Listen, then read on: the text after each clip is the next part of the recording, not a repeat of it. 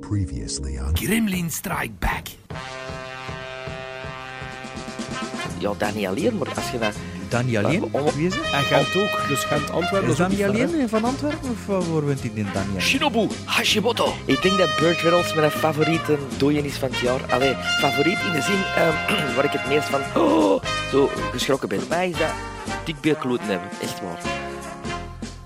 Ik heb dat na 20 minuten afgezet omdat ik vond dat iedereen klapte zoals in Coming to America. Ja, wat een domme beslissing om die te dubben. De, de Jeans Club of zoiets. De, twee Traveling Sister Pants? Ja, ja, ja. Ja, dat eh, de Traveling Hood of the Sister, Sister Pants. Sisterhood of the Traveling Pants. of zo. Ja, dat ja, ja, zoiets. hè. Dus dat- met, met ons drie komen Ja, ik, maar kun niet zeggen, ik, ik niet graag heb ze gezegd. Ziet er zo'n half mongool uit. Hè. Waar is de vlag? Waar is de vlag? Nep eronder, dus ja, waarom moet het dan? Allee, maar Oeh, wat is allemaal nep eronder? die, Je die, toch dat er daar een die reactie heeft van toch niet ging echt komen. boven? Parijs gesprongen, die heeft boven de woestijn op en gesprongen. Geeft hij een zwarte een Oscar. Oh my god. Oh, Ja. dan wil ik hem vandaag zelfs terugzien. Ja, maar die mag wel een liedje minder gezongen hebben ook in die films. Hè. Jesus Christ, op een gegeven moment heb ik het wel gehoord. hè. Ja, Jezus. Je- Met stip op nummer 1. Nah. Met stip op nummer 1. Mijn nummer 1 heb ik niet in de cinema gezien. Oh, het is niet waar, hè, Bert. Het is niet waar, hè. Wat is het? Echt waar, hè. Ik weet al wat het zijn dan. Wat is het? Echt waar. Zeg het maar. Zeg het maar. Bamboleo. Oh, is dat of wat? Bamboleo? Wat is bamboleo? Ik weet het niet, hè. Ja, allee, ken je dat niet? Bamboleo?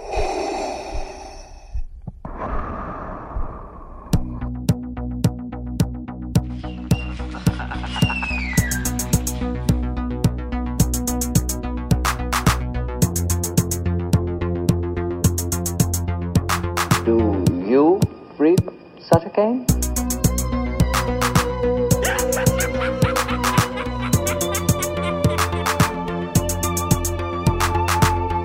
Oh, Hal, do you read me? Do you read me, Hal? Affirmative, Dave. I read you.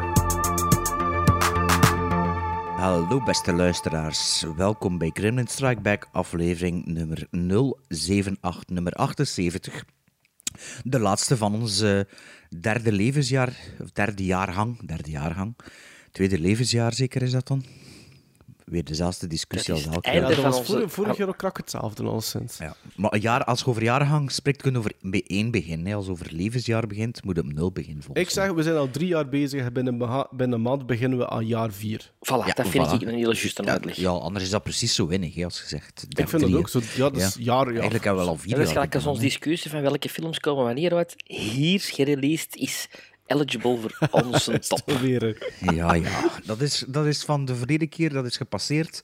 Nu gaan we met frisse moed het nieuwe jaar in. Allee, het nieuwe jaar, het... eh, ja, gaan we eigenlijk ons derde jaar uit. Dus het is weer een, een feestaflevering, is, Sven, like dat je zo graag hebt.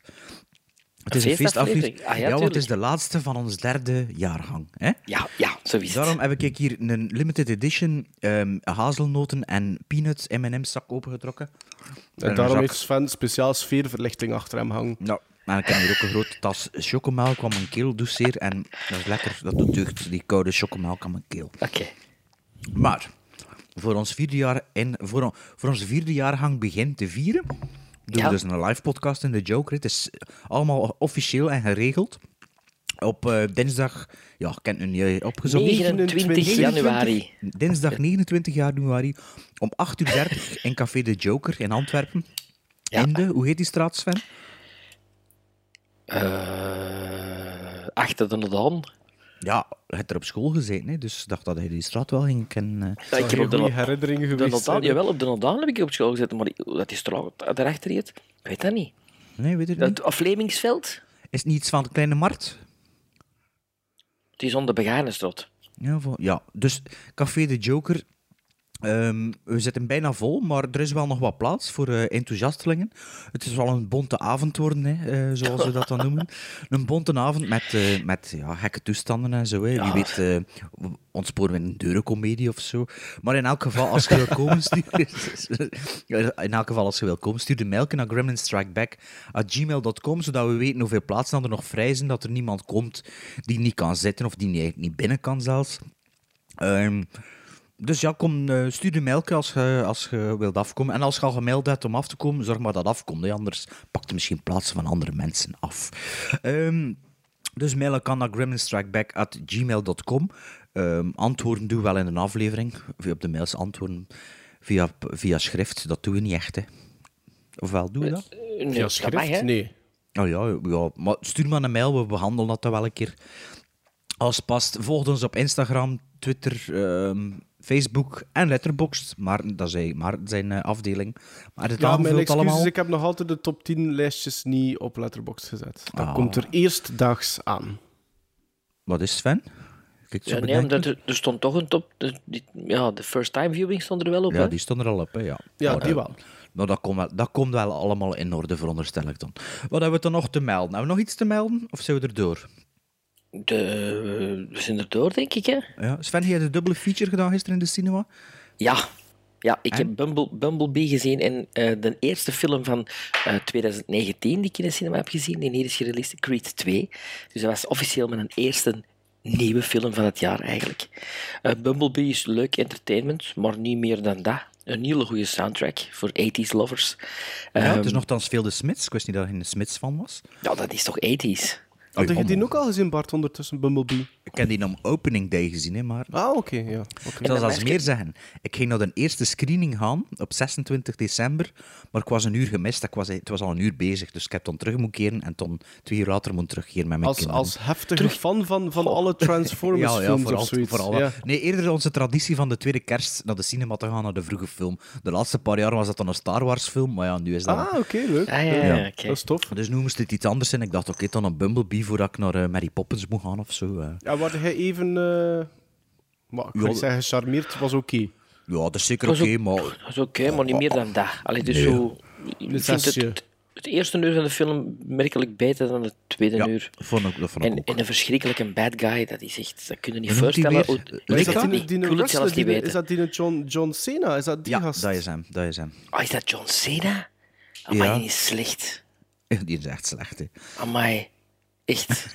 Er is, er is Gary Busey, een, een, een, een Shakespeare-acteur tegen. Echt. en dan Creed 2 is wel echt goed. Creed Ja. 2 is, is puntje van je stoel, spanning, altijd terwijl, de eerste terwijl, zien. dat je, Is terwijl dat je regisseur van de eerste? Ja, hè? Ik dacht het wel. Jordan... Je- Nee, niet Jordan Peele, nee. Michael B. Jordan? Dat is een acteur, hè? Ja. Ah ja, dat Dat is een acteur. acteur, ja. Maar de, hoe- hoe leuk is dat om Dolph Lundgren te zien samen met Stallone terug in een heat-achtige scène, eh, gelijk Pacino en De Niro, maar dan in het restaurant van, van Stallone. Echt top, top, top. En dan, het dezelfde regisseur. Planet Hollywood dan, of wat? nee, er is, hij heeft toch een restaurant, hè? Eh, Rocky? Adrian? Ah, Rocky is echt in het restaurant van, eh van Stallone, Stallone. ja, allee, ja, van, hè. Nou, echt ik, goed, echt ik goed, wil hem echt. binnenkort wel zien, ja. Ja. Allee, cool. Gaat hij nu top 10 staan van het einde van het jaar misschien? Dat Kans zit erin? niet. Nee, nee, dat- dat- allee, ja, dat, of het moet een heel zwak jaar worden. Ah, maar ja, wat, was uw, wat is de score? Eh 7 op 10. Oh, dat is toch goed? Oh, oh, oh. Als ik Voor nu 7 op u- 10 geef, is dat u- dan waarschijnlijk in mijn top 10. Voor uw eerste film van 2019, officiële film, dan direct een 7 op 10. Kan Ja, slechter, hè? Dat is Kan wel slechter. waar. Dat is wel waar. Allee, ja. Het jaar is nog maar begonnen, maar zijn er alweer verse doden erbij. Er zijn al een paar verse doden gevallen.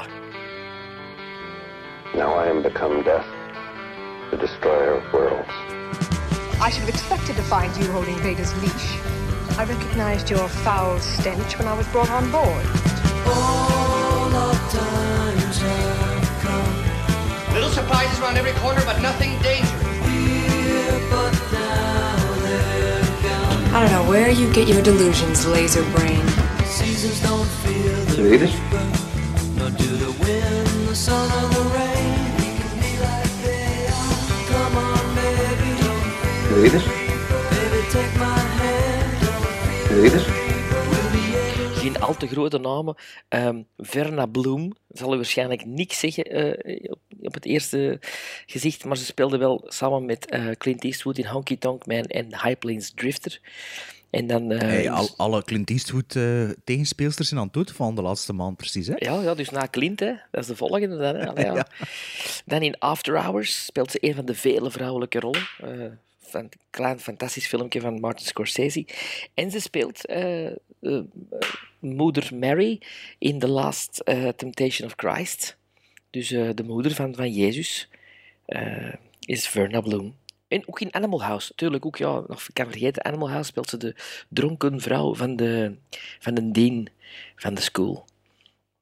En naast Verna Bloom is er nog Carol Channing gestorven. Carol Channing is een Broadway-legende die als eerste Hello Dolly heeft gecreëerd op Broadway. Eh, ook een tal van eh, ontmoetingen heeft gehad met Muppets en Sesame, eh Sesamestraat, hoort maar Sesamstraatfiguren. Sesame. Sesamestraat. Staat bekend voor haar eh, heel specifieke stem. Eh, maar ja, toch wel een, een comedienne in hart en nieren. En vlak voordat we aan deze opname begonnen, is toch wel een van de ja, bekendere producers eh, van de jaren 80 en jaren 90 overleden, Andrew Vanya. Nee, zegt u niks? Wat, nee, ik heb er juist gestuurd, ik kan even gekeken, maar zijn eh oeuvre ken ik natuurlijk wel. Ja, zo'n oeuvre is fantastisch. Hè. Hij was een van de grote mannen van Carolco Pictures. En Carolco Pictures, ehm, dat was in de jaren 80, 90 toch wel, eh, ja, allee, legendarisch voor de, de Terminator-films. Eh, Total Recall. eh noem nog eens wat op, Bert. Dat stond er nog allemaal tussen. Ik vind het niet direct terug de pagina. Ah ja, eh, ah, ja ik weet niet meer. Conspiracy Theory? Of, ehm, hoe heet die film meer met Mel Gibson? Conspiracy... eh, ik- Is dat ook van hem? Ja. ja, ik weet het eigenlijk niet. Ik dacht dat hij uw huiswerk Ja, gedaan ik weet had. niet, maar dat ja. dat hem juist is neergevallen en ik vind, ik, dat vind ik hem niet meer, zeg. Eer, dat vind ik hem niet meer. Er heb moet gedaan. letterke tussen zijn, dus daarmee. Nee, Andrew Vanya. Is toch Dat Vanya? er- en Andrew H. Vanya of zoiets. Hoe voor was dat die age dan? Hier, nee, het is weg. Misschien is hij die dood. Ah jawel, is hij. Rambo. Rambo, First Blood, eh, Die Hard. Ehm Allee, joh, ik kraak er niet op. Ik er niet op. Ah, kijk, dat is nu... Ja, ik dacht altijd dat Andy hij, Vanya, Andy Vanya, zeg. ik dacht altijd dat hij dat van buiten kende, al die informatie. Maar dat is niet. eigenlijk echt opgezocht op het internet. Oh, maar het is juist binnengelopen. Het is vers van de pers. Ik vind hem niet. De mens is dood. Hij heeft veel films gemaakt. Rambo, Terminator. eh allee, geproduceerd hè, samen met die Mario Casar. Hè. Dat is zo Ah ja, dat is, een, dat is voor mij een bekendere, meer klinkende naam, moet ik wel eerlijk een zeggen. duo, Mario een Casar. duo dat in de, in de jaren 90 eh, eh, heel bekend was. Ik vind die niet terug. Is dat nou mogelijk? Je is juist dood je kunt... Is dat nou mogelijk? Rambo, producer, Hungarian, Andy Va Vaina. Ah, my. Vaina. Vaina. Andrew G. Vaina. Vanya. Ja, ja, ja, dat was het dus. Dus alle Terminators, Basic Instinct, eh The 13th Warrior, Shadow Conspiracy, Evita, Judge Dredd, Die Hard with a Vengeance, Nixon, Color of Night, Tombstone, Medicine Man, Jacob's Ladder, Air America, Total Recall, Red. Heat, Rambo Dus 3, samengewerkt met Schwarzenegger en Stallone. ja, Extreme Prejudice, Angel Heart, Rambo 2, First Blood, Escape to Victory, The Changeling, Ja, maar uw segment was eigenlijk al afgelopen, hè? Ik weet het, maar dat kunnen we dan van achter steken in de montage. Dat ik het toch niet eens vind.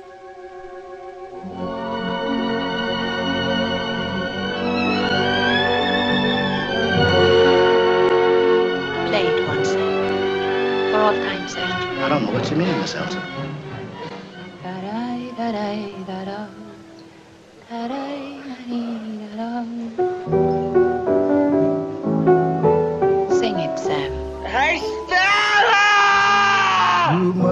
remember this. A kiss is just a kiss. A sigh is just a sigh. All right, Mr. DeMille, I'm ready for my close-up.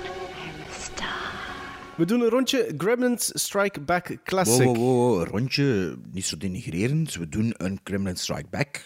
Ah, oei, sorry Bart. Het is misschien omdat dat even geleden is dat we dat nog een keer doen- gedaan. Dat ik dat we doen misschien... we doen een rondje. Ja, sorry. Je moet dat met wat meer, de, de meer honneurs en bravoure zeggen. Of nee, je moet dat met nodige respect leggen. Dat dat Respect. een echt segment is. Moet- Als Ah, ja. Stockholm-syndroom is, is er niet, we doen een rondje Stockholm-syndroom. Nee. Ja, het is toch Dus al gebeurd dat, dat, ik- dat denk het wel dat ik dat toch al zo gezegd heb. Maar kijk, maar nee, we gaan dat dus kan niet, want ik stond erop eens- gereageerd en hij zie dat toch? Hoort dat Ja, toch? dat is waar. Je springt er al, ja, dat is waar. Je springt er rap genoeg op. Dus we doen nog eens Gremlins Strike Back Classic. En wat zijn dat? Dat zijn eigenlijk films. Eh, dus elk van ons kiest een film waarvan dat wij denken dat dat een echte classic is en waar dat er potentieel genoeg in zit om een seal of approval uit te halen. Ehm, en ik weet niet of dat, dat altijd zo is, maar is dat meestal zo dat één kiest en de andere twee hebben het nog niet gezien? We, want we het hebben dat nog maar één keer gedaan, volgens mij. Ik denk En dat dat was nu... Nee, een jaar nee. geleden. Met 8 met eight se- met eight seconds. Met seconds hebben we dat gedaan. Nee, Was nee, dat de nee. eerste keer? Ik denk dat we dat toch al twee keer gedaan hebben. Ah, Was dat mijn second so classic? Ja, dat was de Nee. classic. Nee? Was dat met Whatever Happened to Baby Jane? Ja, een jaar Dat wel, geleden. Mildred ja. Pierce, Whatever Happened to Baby Jane en nog iets. Ik weet Ah, wel het niet Cul de wat. Sac was dat? Dat was toch die aflevering? Cul de Sac, Cul de Sac. Ja. Want dan hebben we dat volgens mij nog een keer gedaan. Ik denk dat dat Ja, nu de wa- derde keer is. Ja, want toen was het, mocht je zelf kiezen voor jezelf. Van- Die Ja. je nog niet gezien had. Ja, oké. En dus nu- nu... nu- en- Is natuurlijk... Hè. Nu is het anders, hè? anders. Ja, dus nu hebben we elk eentje heeft een gekozen eh, die de andere twee nog niet gezien hadden. Zo is het. Ja, zo is het. Ehm, drie films. Ik eh, koos voor Freaks. Eh, Bart koos voor ons The Treasure of the Sierra Madre. En eh, Sven koos voor ons Hush Hush Sweet Charlotte. En we gaan ze in die volgorde ook bespreken. Dus we beginnen met een film van Todd Browning. het- Chronologisch zelfs. Als ja, zo bedenk, van, ja, klopt, uit 1932. eh, van regisseur Todd Browning, die ik denk bij de meeste mensen best gekend zal zijn als de regisseur van Dracula met Bela Lugosi. Maar in Fantastisch 32, ja, maar in 32 eh, liet hij Freaks op de wereld los naar het boek Spurs. Ik denk van een zekere Todd Robbins, maar ik ben dat niet zeker. Wie veel meer wil weten over eh, Freaks, die moet luisteren naar aflevering 34. Want ik heb daar een eh, Maarten Melons Weetjesmelie in die aflevering aan gewijd. Eh, Freaks vertelt het verhaal van een circus waar de dwerg Hans eh, verliefd wordt op de trapeze. ja, ik wist, ik, wist, ik wist dat ik dat woord dwerg ging zeggen. Nee, nee, en dan Hans, is hij weer dwerg vertrokken. Hans hè. met een zit van achter. Hans. DJ. Dus het gaat over de dwerg Hans die verliefd wordt op trapezeartiste Cleopatra. En eh, die eh, bedenkt dan een duivels plannetje eigenlijk om met de dwerg te trouwen. Nadat ze te weten komt dat hij eigenlijk over veel geld beschikt. Ik ga daar verder niet te veel meer over zeggen. Ehm, ik ga waarschijnlijk wel nog wat inpikken als ik nog wat meer informatie heb. Eh, maar ik heb die dus gekozen voor jullie. Dus ik ben eigenlijk heel die hoeveel benieuwd. keer gezien al? 100 keer al? Ik denk dat ik hem nu voor de elfde of twaalfde keer ga gezien hebben. Nou, oké. Maar wat, hij, wat hij like niet zegt, is dat het begint eigenlijk met een eh, soort vaudeville of een soort freakshow, waarbij dat eh, de, de circusdirecteur, om het maar zo te noemen, zegt van, wat dat je hier ziet... Dat is een proloogske, hè? Het is een proloogske. proloog. Ja. En dan zegt hij van, en kan ik je vertellen wat dat er gebeurd is. En dan Beetje de doet- greatest showman van, van het moment dan. Hè? Zo. Ja. Maar ik, De- jij moet de- opletten met wat dat gezegd over die P.T. Barnum en The Greatest Showman's fan. Eh, ik, ik, wat was dat nou weer? Ik heb er zoiets nog maar een kop dat, dat, dat dat toch geen zo'n amabele type was. Nee, dat is waar. En de maar ik heb er een uitspraak over opgezocht van Mark Twain, toch een van de grootste Dat is schrijvers waar. Dat is waar. hè, eh, van, eh, eh, van eh, onze moderne tijd, zal ik dat maar zeggen. hè. Allee, hè. Ja, maar ja, zo, geloof zegt- je ook alles wat Hugo Claus bijvoorbeeld zou zeggen? Als die een boetate doet en die staat mij aan, dan denk ik ja, die ga ik dan in, als weerwoord geven. Het verschil tussen fictie en realiteit is dat fictie geloofwaardig moet zijn, zegt Mark Twain. Ah ja. En wie is dat juist, Mark Twain? De schrijver van Huckleberry Finn en van de, de hut van Cabin of Uncle Tom? Ja, ja, ja. ja. Maar is dat nu gewoon een quote van hem die niet sloeg op P.T. Barnum dat hij gewoon gebruikt Ja. hebt? Die dus volledig Dat is- niks te maken heeft eigenlijk met Zo wat P.T. Trump. Barnum. Nee, als antwoord op wat die ene zei van eh, ik, ik viel bekend van mijn stoel van het lachen. eh, als Ja, een beter antwoord zou geweest zijn dat je een quote had opgezocht die Over Wel. Mark Twain? Nee, maar omdat, ik bedoel, ik bedoel, als die film voor mij dat heeft teweeggebracht, dan is die film gelukt, want het is fictie. Maar nee, Ja, want en het als ging over die- een als waar die gebeurd film- verhaal. Als Ja, maar nee, maar als die film mij een beeld geeft van P.T. Barnum, waardoor dat ik denk, wauw, wat een gast is dat, dan is die film erin geslaagd. Een beetje like Triumph of the Will. Ik wist dat je dat ging zeggen. Ik wist dat je dat ging zeggen. Oké dan, Olympiade. Ah, voordat we misschien naar de bespreking, allee, voordat we- dat ik te weten kom wat jullie van de film gaan. Ik heb die film voor het eerst gezien toen dat ik op Halloween, ik, ik weet niet meer hoe oud ik was, maar ik was nog een redelijk jong hasje, denk 17, 16, 16 jaar zoiets. En op een gegeven moment was er een kanaal, maar ik weet niet meer juist welk kanaal dat was. En dat werd na 8, 9 uur, werd dat AMC. Dus dat werd dat American Movie Channel daar. Eh, Ja. Waar dat Waar ook van was, en Bart ook, afscheid van En dat, ja, afscheid nemen. van genomen. En op Halloweenavond, om middernacht, begon op AMC, toen ik 16 was, Freaks. Dus dat is de eerste keer dat ik toen die film gezien heb. En ehm, ja, sindsdien eigenlijk hoekt. Maar ik ben eigenlijk meer benieuwd naar wat, eh, wat dat jullie ervan vonden. Bart? Ja, Freak stond eigenlijk al lang op mijn watchlist, al voordat uh, dat hij dat besproken had en dat er om de twee afleveringen mee naar onze kop smeet.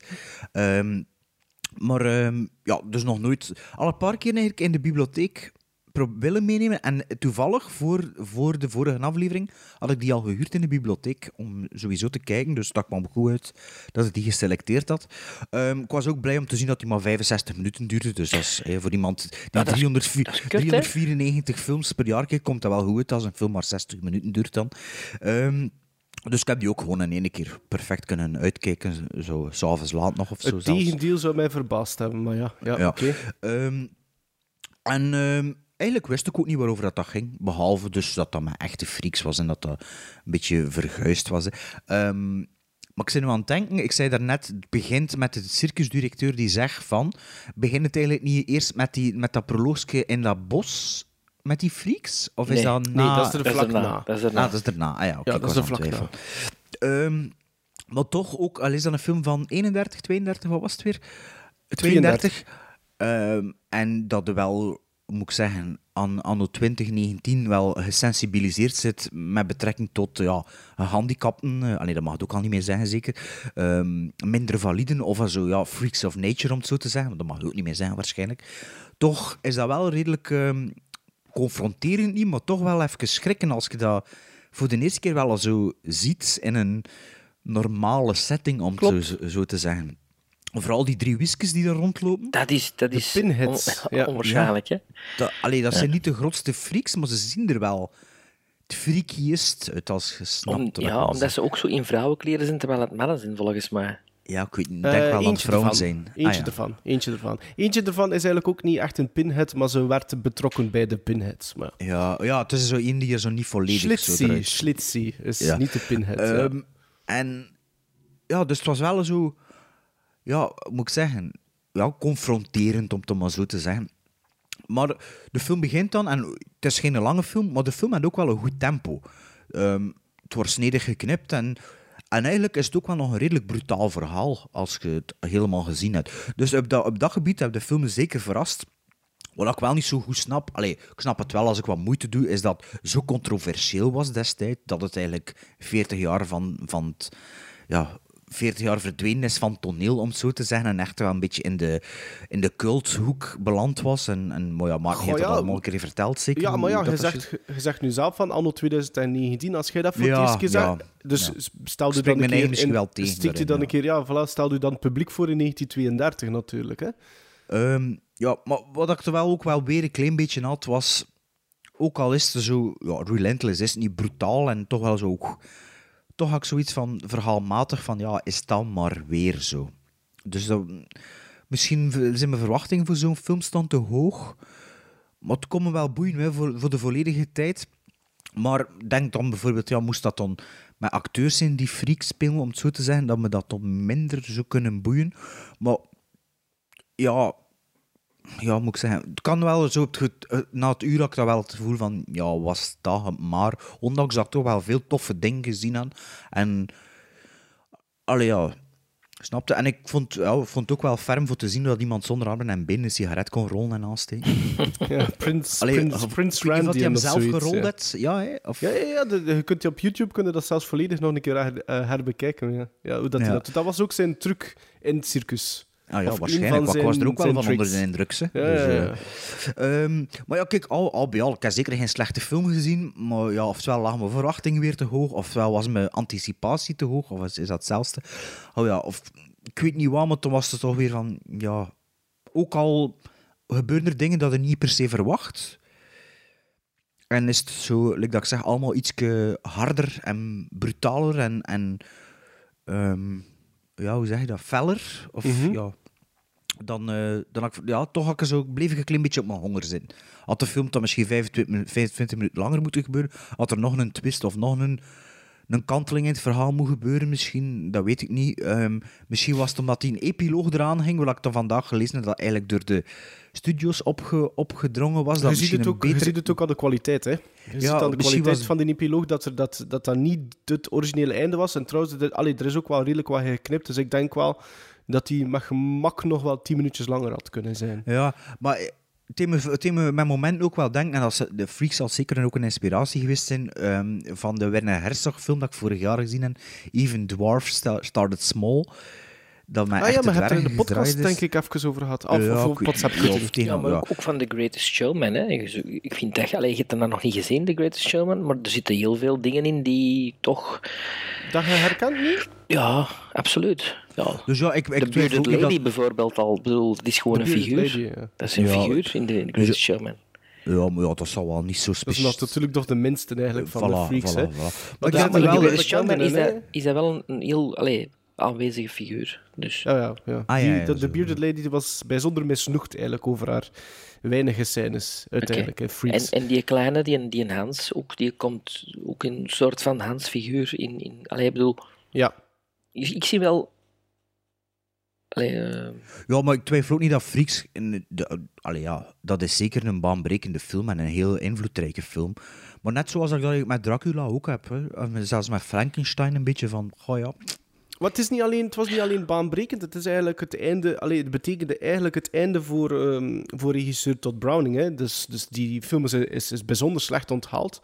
serieus? Ja, ja, ja die, die is. eh, Ah ja, dat weet ik, maar bedoel, is het echt het laatste dat hij gemaakt heeft? Het is niet het laatste wat dat hij gemaakt heeft, maar hij is heel lang inactief geweest. Er zijn een paar films dat hij nog aan meegedeeld heeft, maar dat hij dan uncredited, eh dus hij mocht niet op de credit staan.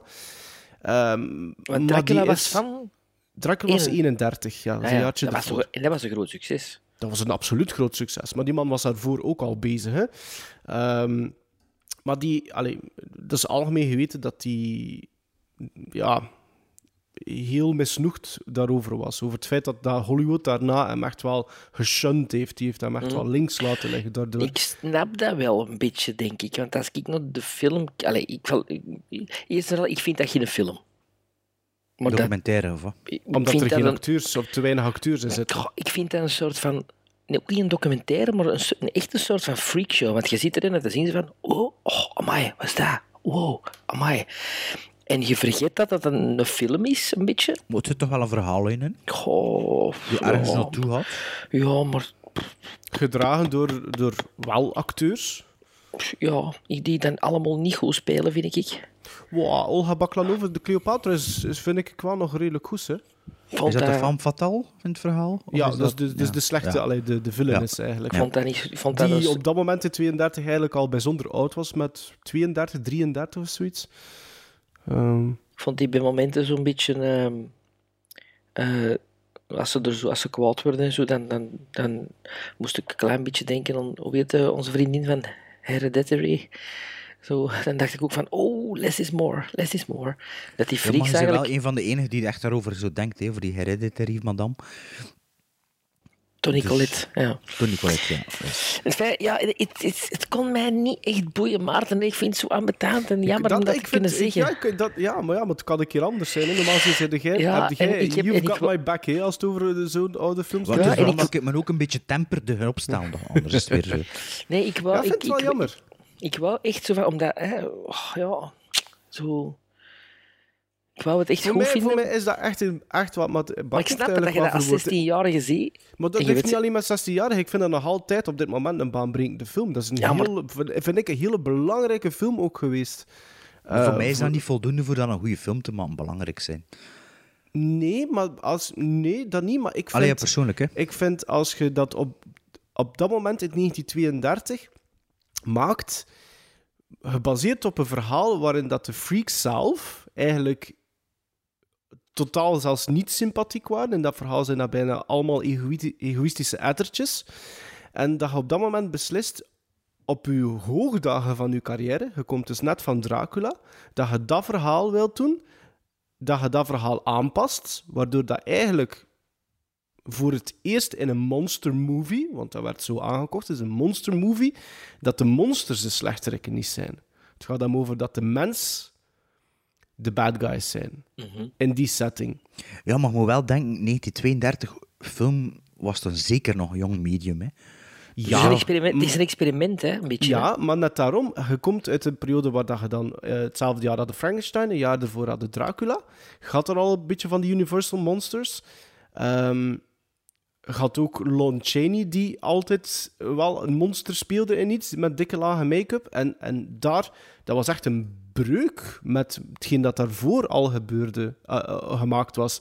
Het was niet de zoveelste vehikel wat dat een Lon Chaney Nee, nee, bijvoorbeeld... het zal iets heel origineel geweest zijn op die moment. Absoluut. Ja. Maar het is een rariteitenkabinet en het wordt voor mij niet echt een film. Het blijft zo een, een experiment, een, een, een, een knappe figuren en wauw en tof. Maar zelfs dan een uur vind ik nog te lang om te, nog te kunnen zien. Ik Ja, denk van, dat, dat probleem had ik niet. Allee, het was er zo... een kurtfilm van en, en laat al die eens even zien. Maar ik mm, boeide me niet echt. Dat is Ja. jammer. Spijtig. Spijtig. Ja. Ja, En ook zo wat gevoel zoals ik van, ja, is dat het maar? Ja, eh, ja, maar ik had dat eigenlijk na de derde scène al zo van... Oei, heel fragmentarisch. Ja, dat klopt wel. Het is heel kort. eh, het, zijn, het zijn echt Ja, het is- losse het scènes. snedig, in het begin Ja, voelt het aan een beetje als losse scènes, hè? maar... Maar dan ook die trouw zijn natuurlijk- en toch gebeurt er toch nog van alles. Dus het is, denk vanaf dat moment dat de, allee, of de aanloop er naartoe, dat dat toch wel, dan begint het toch wel meer te boeien, vind ik. Terwijl het in het begin zo wel losse scènes zijn. En... Ja, ja, ja. Ja, ik kan alleen maar zeggen, ik ben daar, ik ben daar, ik, ben, ik, ik was er, op mijn zestiende was ik er wild van, ik ben er nog altijd wild van. Ik heb er ook al veel over gelezen, documentaire van bekeken, de audiocommentaar, die ook op de dvd staat, die je in de bibliotheek kunt ontlenen, staat er een audiocommentaar op. Ja, nee, ik vind, ik vind dat heel fascinerend. Ik vind heel die historiek van die film vind ik fascinerend. Voor mij is dat, allee, voor mij is dat een dikke 9 op 10, hè. Dat is, dat is snap voor mij ik, een, maar die- een allee, zware seal of approval. Ja. Ja, dat is ook volledig goed ding, hè, die film. Ja. Ja. Dat is misschien eigenlijk wel, ja, ja misschien wel het... Dat is uw Lady Hawk. Ik vond dat toch wel beter dan Lady Hawk, moet ik zeggen. Ja, maar nee, maar voor mij is het ook een dikke negen, hè, Lady Hawk. Ja, dat is waar. Maar ja, kijk, jullie zijn milder, dus jullie scoren... Milder, eh, strenger. Ik, ik zal ik Strenger. beginnen, zeker. Om toch met een, een Maar als positieve je, hem, noot. als je hem buist, dat vind ik wel, dat is ook wel Ik buis zwaar. Ja, ik buis hem. Ja. Ik zal er zelfs meer zeggen. ik vind die drie pinheads vind ik leuk en die krijgen van mij allemaal dan een gizmo, dus drie. En die met zijn sigaret niet, of wat? Ja, Ik dat En, vind vind je dat Jo- toch wel Johnny, Johnny Egg, de halfboy, dat, vind ik, dat is toch allemaal... Trouwens, die, die, Johnny Egg, die, die doet dat niet slecht, vind ik. In die film, qua acting. Oh, ik zing dat allemaal niet geren, zo echte dingen. En er is er- die ene, dat, ik, dat weet je nog, hè, die ene, er is daar ene zo'n dwerg die daar rondloopt, ehm, die dan eh, in Mad Max hè? Beyond Thunderdome... Ah ja, ja, ja, op die in de een, buik eh, zit. Nee, nee, nee, Van nee, dat is. Total Recall, dat. hè. Ja, juist. Ah, in de Thunderdome, ik- stoot hij er niet mee, of wat? Ja, dat is die gast die op die reus altijd rijdt. Zo, wat. Ah, wel, dat bedoel ik, ja. Voor de, de Dat master is dezelfde zoiets. acteur in de, Ja, in de ja, Thunderdome. ja. Hoe oud is hij dan in de Thunderdome? Ja, die, die was op dat moment heel oud al. Amai. Zeker voor een dwerg. Die was misschien al dood. Het zou animatronics zijn gestoken. Oh, pak die een dwergstik terwijl animatronics zijn, dat kost niet veel. De Doddler vond ik ook goed. Maar, De wat? hè? maar de Doddler, De dat weet ik zelfs niet meer. De Het is stotter, Ah, stotteren. de stotteraar. ja. Maar dan denk ik van, amai, is dat ook al een freak? Oei, dan gaan we het wel heel ruim pakken, hè? Ja, voor, voor hetzelfde geld dat het er zelf nee, in maar- is. hè. Nee, ik denk niet dat hij, dat hij aanzien wordt als een freak. Hij trouwt met een freak, maar ik denk niet dat hij een freak was. Oké. Ehm, ik ken dat dus eh, maar 9 en Sven 3. En wel, ik zit ertussen en ik heb dat 6 gizmos gegeven. Is dat goed gekeurd? Maar, maar Maarten, eh, wat zie je me bekend? ik, had, ik had eigenlijk geen, ik had geen high hopes, eigenlijk. Maar kijk, ik ben, pas op, Bart. Ik ben, het is, de rollen zijn een keer omgedraaid. Alhoewel, hij zijn eigenlijk bijna nooit niet even negatief als, als Sven nu geweest is voor zo'n oude film. Ja, maar ik ben ook mega, hoe noemde dat, tactisch. Hè? Ik ben echt super... voilà. eh, Ja, ik weet voor niet wat dat er Als gebeurd ik is sinds moet verwoorden, je weet dat 2018, toch wel dat ik super, super subtiel ben. Hè. Absoluut. En Sven, dat is maar een brokkenmaker en eh, weet ik veel allemaal. Ehm, We accept a one of us. We accept her, one of us. Gooba gobble, gooba gobble. We accept her, we accept her. Google gobble, Google gobble. One of us, one of us. Google gobble. They're going to make you one of them, my peacock. Gooba gobble.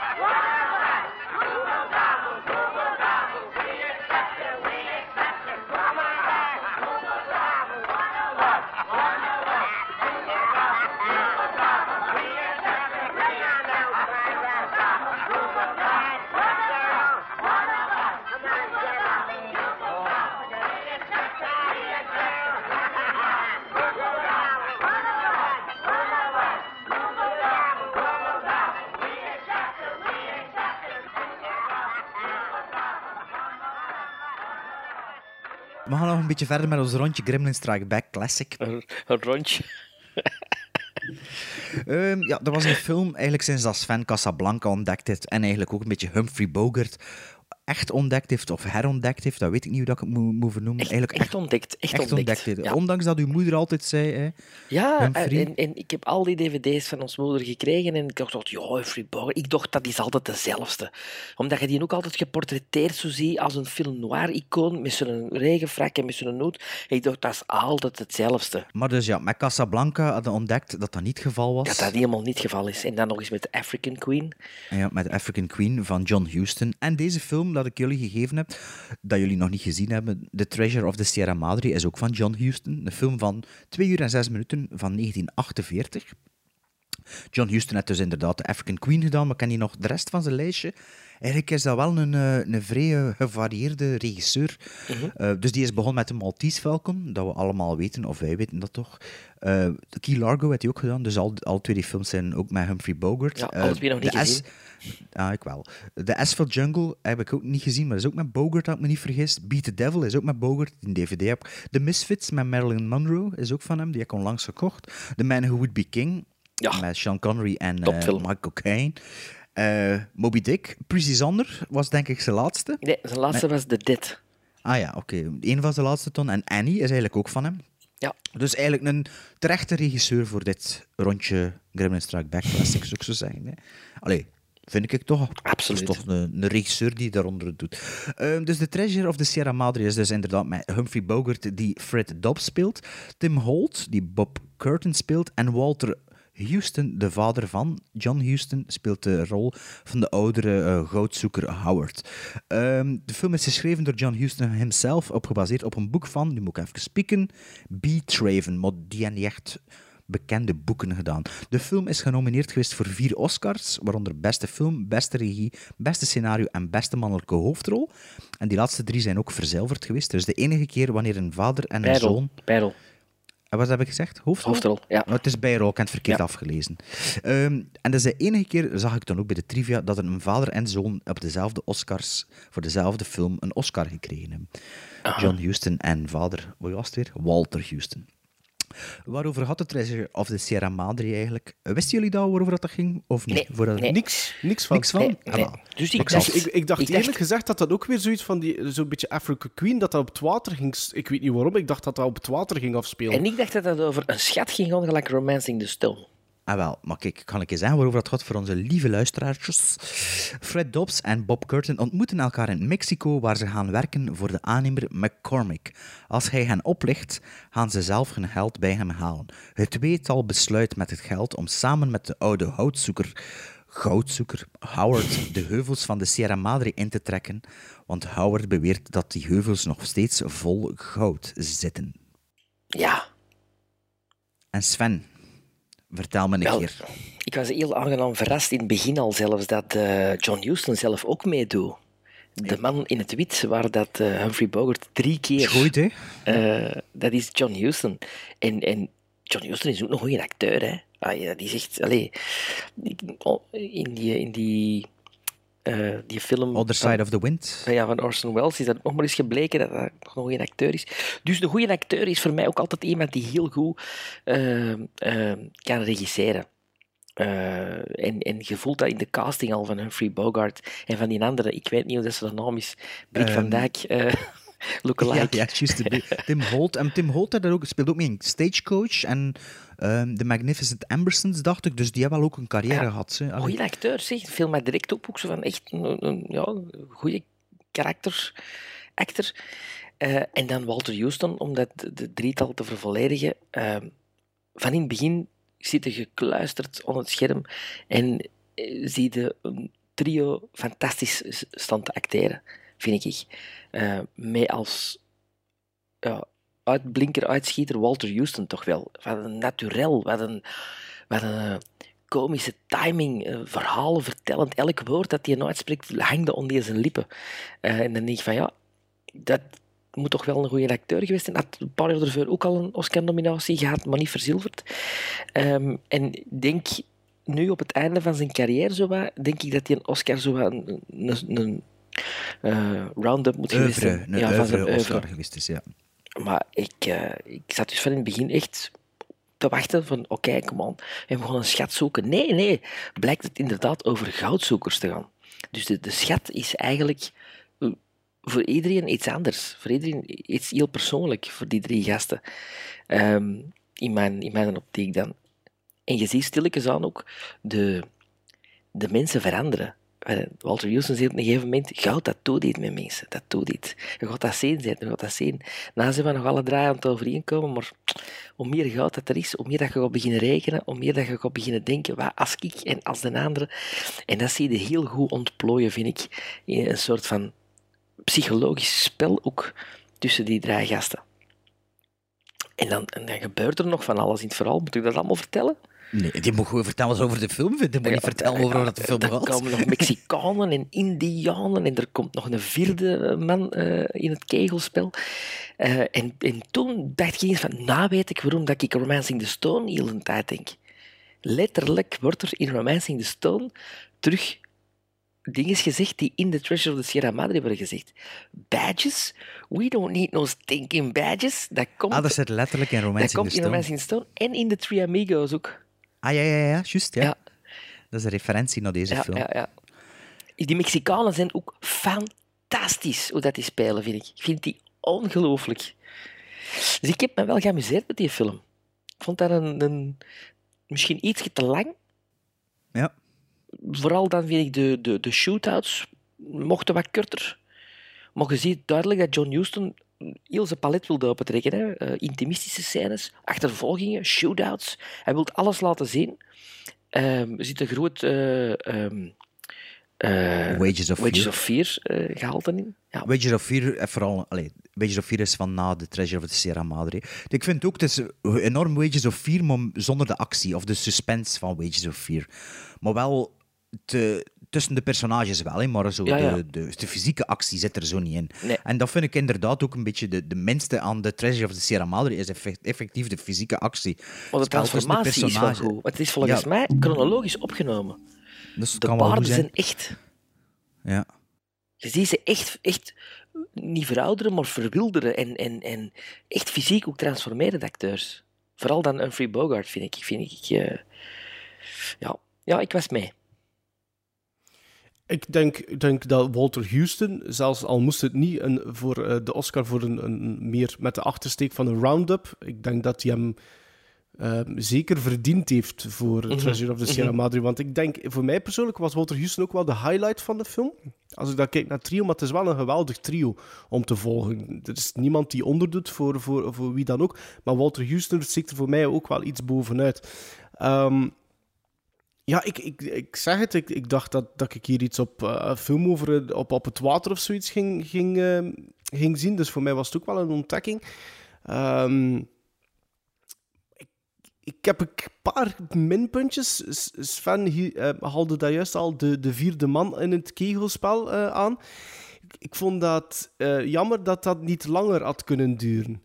Ik vond dat hij op dat moment echt op dat moment ehm, ehm, ehm, heel ehm, eh, goed was op de, voor dat verhaal. eh, voor Ja, ja, dat dat, dat, Die scène- dat er tussen de mensen. Ja. Dat is een Ehm, heel goede scène. Hè? En dan vind ik het eigenlijk jammer dat dat misschien niet langer had mogen duren. Ehm, en Humphrey Bogart is absoluut goed. Ehm, en die, die, die goudkoorts, hè, die, dat, dat komt het, het meest bij hem tot uiting. Maar ik vond dat die transformatie soms... Ik weet het niet. Dat ging bij hem, vond ik, bijzonder snel. Maar ze Eh, zat maar er dat- wel lang, hè, eigenlijk. Allee, soms was dat niet, sto- stonden er niet mee bij stil. Maar like, het moment dat ze daar toe kwam, eh, de shot erachter, stond al heel die constructie opgebouwd. En zij is al aan het zoeken. Dus ja, heeft natuurlijk ook een ander karakter dan zijn een buddy in het begin. Hè. Dat zijn zijn- zijn partner, dat, dat snap ik. Maar ik vond dat zijn, ja, zijn spel soms wel, ik ga niet zeggen heel, gro- heel niet grotesk of zoiets, maar ja, het was misschien soms een klein beetje te voor mij. Humphrey Maar wel weer helemaal anders als Casablanca of als African Absoluut. Queen. Maar ja, ik, heb, ik heb nooit zo'n vooroordeel over Humphrey Bogart gehad. Sven, het was geen hij vooroordeel, het was meer een soort van... Die een, een beetje een slachtoffer van zijn icono, iconografische ehm, te- Ja. Tentoonstelling. Ze- ja, de- ja. Je denkt Humphrey Bogart, ah, dat is de man met zijn regenfrak en zijn hoed. Je denkt Charlie Chaplin, eh, dat, is met, dat is met zijn snorken en met zijn bolhoed. Dus Ja. zo'n soort Ja. figuur. Terwijl dat die een, een ongelooflijk palet heeft, ontdek ik nu de afgelopen jaren. Tuurlijk, ja, absoluut. Voor mij persoonlijk duurde hij niet te lang. Ik had wel, eh, op het moment dat de laatste, goh, pakt dikke vijf minuten ingaan, had ik wel zoiets van, hmm, ga ik dat einde voor mij wel bevredigend vinden? Ehm, maar uiteindelijk vond ik het eigenlijk wel passen bij die twee. Zeker bij het personage van Walter Houston, die, allee, die er echt een goudzoeker in hart en nieren is en die eigenlijk gewoon altijd, wat dat hij ook maar verdient, het is altijd rap weer op, omdat hij dan gewoon weer op naar iets, een, iets nieuws gaat zoeken. Ehm, de film had gerust wel tien minuten vroeger kunnen stoppen. En het was ook bevredigend geweest. Ja, ah, wel, dat, is, dat is mijn punt. Want het ging dan moment, nog verder. Voordat ze dus ter- terugkomen met die ezels en allemaal. en Ja. Heel, dat, heel dat spel. eh. Oh, dat vind ik niet. Dat vind ik niet. Het kon daar wel. Het Het ging kon meer daar wel. ambigu geweest zijn als Ja. het tien minuten vroeger in gestopt zijn. En net vind ik. daarom had ik zoiets van, oeh, dat, dat ging daar verder. Ze ging dan weer alleen op zoek. Ah, ik had zoiets van, hmm, ga ik dat wel Ik vind het, leuk ik vind het vinden? wel een paar twists op het einde zitten waar je denkt, wow, mij, gedurfd. Ja, ja, ja, ja, ja, zeker gedurfd. Zeker gedurfd, absoluut. Ja, ja. Maar ik vind, ja, pas op, ik heb, ik heb absoluut genoten van de Treasure of the Sierra Madre. Een Fantastisch trio om te volgen. Ehm, tof verhaal. Ja, ik vind het wel tof dat Humphrey Bogart, ja, dat is waarschijnlijk de topbilling destijds ook van die film, dat hij echt de grootste klootzak van allemaal is. Hè. En- Absoluut. En dat, dat, dat die lijn ook wel doorgetrokken wordt. Dat ze, dat ze niet zo plots zeggen van, ja, nee, toch niet. Is, allee, het is niet... Het is een beetje een omgekeerde Han Solo. Nee, geen omgekeerde, een halve Han Solo. Like hoe dat die begint, Han Solo in de eerste film, zo blijft Humphrey Bogart Hans, de Treasure of the Sierra Madre. Het is een beetje de Indiana Jones van de Temple of Doom, tot op het moment dat hem, dat hem eigenlijk de goede Indiana Jones werd. De opportunist. Ja. Tot, on, tot omdat men zei, oh, we gaan die kinderen ook Opportunist tot in de kist. Ja, hij is gewoon doorheen de film het gevaar in de onderneming. Hij is Ja, degene ja, ja, die ja. die het al naar de kloten kan helpen. Hè? Want, eh, en, dat, en dan inderdaad over de Hans de lijn van de film. Dus eigenlijk vind ik dan ook dat ehm, de, de, de, de afhandeling van zijn personage, zo dat begint het door de afhandeling, eigenlijk vond ik dat, dan heel dat vond ik dan eigenlijk wel heel bevredigend op, op een, een of andere manier. Hoewel Ja, dat je ja, er toch nog een klein beetje voor root. Misschien gewoon omdat Humphrey Bogart is, ik weet het niet. Of dat dat er misschien iets mee te Ja, maken maar dat is, wel, dat is ook wel de kunst van het regisseren en het Absoluut. acteren natuurlijk, voor die een balans te vinden. En dat als kijker nou, En, altijd... en bij mij was die balans absoluut perfect bereikt. Eh, want ik had dan zoiets van, oei, oei, wat moet ik hier doen? En uh, ja, ik wil het eigenlijk wel erg vinden, maar eigenlijk wil ik het ook niet erg vinden. Dus voor mij was dat perfect. Eh, maar voor een first-time viewing, want ja, een hele mooie verrassing eigenlijk. Wel, ik, moet nu zeggen, het is nu de derde keer dat ik hem gezien heb op twee of drie jaar. Ik had die film ook nog nooit gezien. Dat was dan ook eh, ooit eens van, ik ga die kopen, maar ik moet die eigenlijk wel gezien hebben. Ik denk dat ik de eerste keer van tv opgenomen had of zo. En de eerste keer was zo van, ja, get the story out of the way. En de tweede keer wist ik nog een beetje het verhaal. En nu ken ik het verhaal like dat de Raiders of the Lost Ark. Hè? Ja. Of, Ja, eh, ja. Dat gewoon dat verhaal, je kent dat rats van buiten. En als je nu met mijn derde visie begon ik dingen te zien dat ik ervoor nog niet gezien heb. En ik moet nu zeggen, die film wordt voor mij na drie keer elke keer wel beter.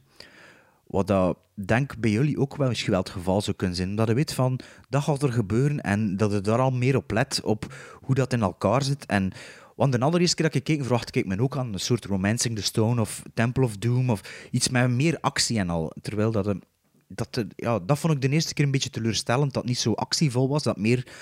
Ik ben de ja, enige van de drie die dat eigenlijk niet miste wel. Of, of de, die dat, ik had dat ook niet verwacht. Maar Nu ik heel- dat ook niet meer, Ik ik toch een treasure hunt. Hè? Een treasure, gelijk als Raiders of Maar the Lost Ark. ook omdat- Omdat ook Sven, verbonden van, was. Sven, en ik als Sven, eh, Sven en ik als fans van Raiders of the Lost Ark, we er weten dat dat een grote invloed geweest is ook op, samen met Lawrence of Arabia, op eh Indiana Ah, wel, maar Jones, ik hè. moet zeggen, ik vind, ik vind dat niet zo terug in treasure. Misschien dan Nee, in... nee, maar dat wordt wel gezegd, hè. Ja, maar Maar misschien toch wel het personage van Humphrey Bogart een beetje. misschien wel, ja. Ja. Maar daarom dat ik me ook wel iets meer Indiana Jones verwachtte, om het zo te zeggen. Mhm. Ja. Maar, maar eh, heb je het dan ook gizmos gegeven voor de gelegenheid? Ja, ja. Ik geef dat een dikke 7. Ik zit al 7,5, maar ik wil hem eigenlijk opnieuw zien. In de hoop eigenlijk... Ik, ja, ja, maar ik zou hem eigenlijk voor die paar minpuntjes zo gezegd dat ik gezegd heb, zou ik eigenlijk nog een keer willen opnieuw bekijken. Want ik denk eerlijk gezegd wel dat dat smoother gaat zijn. Dat ik dat minder... Ik wil niet zeggen dat ik daar issues mee had.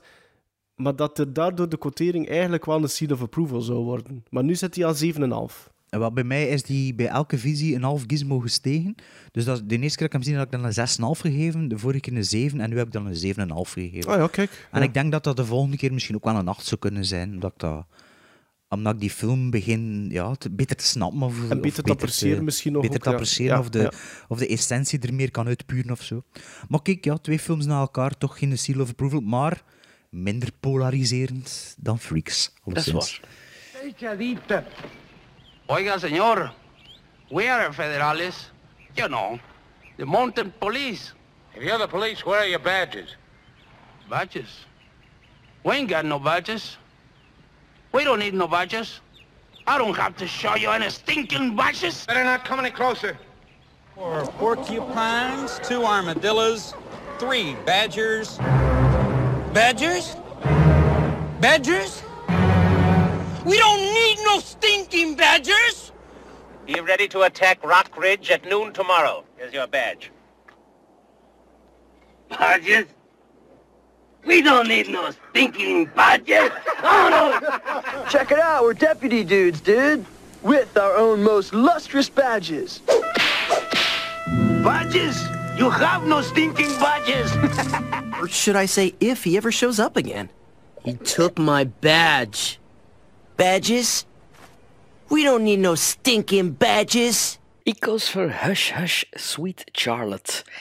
Ehm, een film die ik enkele jaren geleden al gezien had. Ehm, ik had die gezien voor Whatever Happened to Baby Jane.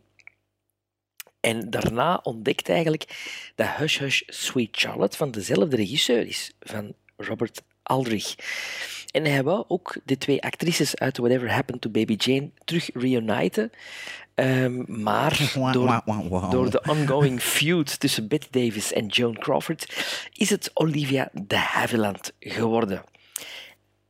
En niet Waarover Joan gaat- Crawford. En niet Joan Crawford. Waarover gaat het? Ehm, zeven Oscar-nominaties kreeg Hush Sweet Charlotte. eh, voor alle duidelijkheid voor eh, Best Supporting Actress, Art Direction, Black and White, Cinematography, Black and White, Costume Design, Black and White. In die tijd was dat nog twee categorieën, kleuren en Black and White.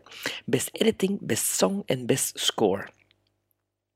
Charlotte is een rijke oude vrijster en iedereen is bang voor haar vanwege een moord die ze 40 jaar geleden gepleegd zou hebben. Toch werd nooit bewezen dat ze werkelijk de moordenaar was. Haar dienster, Velma, is een van de enige personen die nog contact met haar heeft. Ze heeft vaak te maken met Charlotte's geestelijke problemen. Daarnaast spreekt Charlotte nog wel eens met haar nicht Miriam. Wanneer ze, wordt, eh, wanneer ze dreigt te worden onteigend, zoekt ze hulp bij die Miriam. Goed zo, Sven. Ja, ik wist niet of ik in het begin dat al mocht zeggen van die moord, maar Wow, het, is, het, is, het is proloog eigenlijk ook. Hè. Ja, Ja, het is- maar ik vond dat wel- voor de aftiteling ik vond dat wel de- super... Allee, dat begin vond ik wel zo... What the f... Oh, direct, hè. Geen, geen, geen intro, die een, dat was direct... Bam, er direct in. En daarmee wist ik niet Ja, of ik het mocht vertellen. Ja. Ja, bam, ja. Maar dat was echt... Dat begon en wauw. Ik- Kijk, hè. Hush Hush Sweet Charlotte heeft de ambetantigheid bij mij. Dat je Whatever Happened to Baby Jane al gezien hebt. Ja. En dat ik ook wist dat, dat, eh, dat eigenlijk die Hush Hush, dat eigenlijk zo'n beetje de officieuze ja, sequel was op Whatever Happened to... Het is, narratief is natuurlijk niet hetzelfde, maar dat, dat zou opnieuw de, de, de, de, de, de Davis-Crawford clash worden met dezelfde regisseur. Maar dat had iedereen dat probleem, hè? De film is ook twee jaar daarna uitgekomen. Ja, ja, ja, ja, dat klopt, dat klopt. Maar natuurlijk, het is voor mij een first-time viewing geweest, dus ik had... Dat was bij mij wel die hype, alleen dat was wel aanwezig. Van, oh, wat gaat dat geven? Ehm, en het, het tweede wat dat een beetje aan is, is dat eigenlijk eh Hush een beetje in het begin hetzelfde doet als Whatever Happened to Baby Jane. De eerste begint ook met een soort van proloogje, wat dat je dan pas op het einde eigenlijk weet wat dat er allemaal juist gebeurd is. Hush Hush doet dat eigenlijk een beetje over. Je begint ook met een proloogje, dan gaat we verder in de tijd. En komt er opnieuw met een oudere Betty Davies, ehm, die wederom fenomenaal is. Hè. Betty Davis, dat is, die is, ik denk dat die ontastbaar is. eigenlijk geweest als actrice. Wel, maar er werd toch dikwijls gezegd Meryl Streep, Meryl Streep, maar Betty Davis is toch wel hetzelfde niveau, misschien zelfs nog een beetje hoger, vind ik. Ja, ik Ik, denk niet, dat ik heb ik, nog niet genoeg gezien van Betty Davis, om het te kunnen zeggen. ik heb dat nu toch al redelijk... een film of zes van gezien, denk ik. En Dat is ik, toch ik heb die nog nooit niet slecht geweest. Zelfs, Ik heb die nog nooit niet... Zelfs niet gewoon goed. Die, die is altijd beter dan gewoon goed, Betty Davis. Ehm, en ik was dus eigenlijk een beetje sceptisch. Misschien te sceptisch. Eigenlijk aan Hush Hush, eh, Sweet Charlotte begon. Ehm, maar... Naarmate dat die film verder ging, had ik zoiets van, ja, ik zit erin, ik zit erin. Goed, ja, dit komt erbij. Die cousin, eh, die nicht, komt, komt dan in het verhaal. En laagje bij laagje hadden terug naar... Hey, komt er meer te weten, we hadden naar de essentie, komt er meer te weten over dat verleden. En dan vind ik dat die Olivia, eh, die Avaland, ja, die, die doet het dan eigenlijk ook maar, hè. Ja, hè. Vult die schoenen ook, maar, die ja. eigenlijk ooit naar John Crawford eh, bestemd waren. Hè. En, en doe die rol ook maar, want dat is best een... een, een, een, een, een, een Complexe. Ja, een complexe met veel body. En speelt het dan maar, maar ze, ze doet dat ook eigenlijk bijzonder goed. Dus ik had zoiets van, ja, eigenlijk is dat eigenlijk echt wel goed. En het, ja, eh, het probleem een beetje is dat je op een gegeven moment weet eh, wat dat er aan de hand is. Van het moment dat je weet wat dat er aan de hand is, ehm, hadden die grootste Je wordt te climax... vroeg ingelegd als Ja, kijker, eigenlijk. die grootste climax eh, had geen verrassing dan meer voor mij. En dat vond ik wel een beetje jammer. Dat was eigenlijk hetgeen dat ik zeg van, ah, dat is shit, dat is jammer dat dat zo had moeten gebeuren. Ehm, maar, en dat is iets heel raar, de laatste twee minuten vind ik dat weer fantastisch. En is... En, en, en, De callback, naar iemand in het begin. ja, en er zijn zoveel ik- vragen die dan zo wat bij mij dan... Is, te- is dat de brief, de laatste twee minuten? Ja, ja. Ja, hè, de brief. Ja. Ja. Inhoud ja, van maar, de brief. ah, ja. ja. maar ik vond dan ervoor ook de callback met de... Dat vond ik... Ja, ja, Dat ja. vond ik geweldig. Ja, dat vond ik, ja, vond ik weer iets... Dat ja, is niet ik, ik snap het wel. Ik had dat Maar- niet zien aankomen. Maar dat, maar dat gedoe met die een brief op het einde, Ja. dan had ik zoiets van... Wauw. Zo van... En ze leest dat dan, en dat, die, die, die, die, uitdrukking, en ik zo... Jesus Christ, wat staat er in die fucking brief? En die blik naar die, naar die gast, naar die Ja. journalist. eh, Daar zit ik me heel te zeggen, wat zou dat kunnen zijn? En, en als een film uit 48... 48 dacht ik, hè? Hush Hush? Nee, eh Sierra Nee, nee, Madre was later, hè. 48. Ja. Ehm, 62, 63? 64. Ja. Dus dat dat, dat 64. dan op het einde nog teweeg kan brengen, ja, dat vond ik dan weer fantastisch. Maar ik denk dat de, de legacy van Whatever Happened to Baby Jane iets voor mij te zwaar woog op die film. Ook uh, Sven zijn favoriet speelt er ook in nu mee. Victor Ah, de- de Buono. dikke, Die deze keer wel heel goed De. De vader, vader van. Ja, ik vond die heel goed. Ik vond die, Die dan, echt... die dan toch wel aantoont, Sven, dat... Ja. dat al ik bedoel, dan zijn personage natuurlijk een moest beetje, zo een gespeeld beetje aan worden. dingen spijzen. Aan Peter Doyle. Peter Peter Boyle. Boyle. Boyle. Ja. sorry, ja, Boyle. En een andere favoriet van mij en- speelt ook mee, hè? Bruce Dern. Ja, Ja, de Bruce jonge, Dern, jonge, jonge Jong- Bruce Dern. Ja, maar Bruce eh, Dern, geef toe, is Sven, dat wil dat echt wel zeggen dat hij dat, die specifiek zo moest spelen hè, van Aldrich. Ja, ja, in absoluut. whatever, en, en dat dan eigenlijk wel niet slecht deed. Nee, Ja, wel, nu... Als je dat nu ziet. Ja, ja. Absoluut. Ja, ik vond, ehm van eh, Hush Hush Sweet Charlotte, die stond ook al op mijn watchlist. Ook al een tijdje. Ik had gezien dat, eh, is het Eureka of Arrow, die er een de- Blu-ray van uitgebracht heeft onlangs. Ik denk Eureka. Ja. Ik heb hem nog niet, of dat ik hem wil, zal zo dadelijk wel blijken. Ehm, de eerste keer dat de meatcleaver in actie komt, dat is inderdaad eh, zo van, eh, wow. En eh, dat voelde niet echt aankomen, of toch niet op die manier. Ehm, En zo snel. die- ja, en toen begint die prachtige openingscredits met een schoon shot, met schone muziek.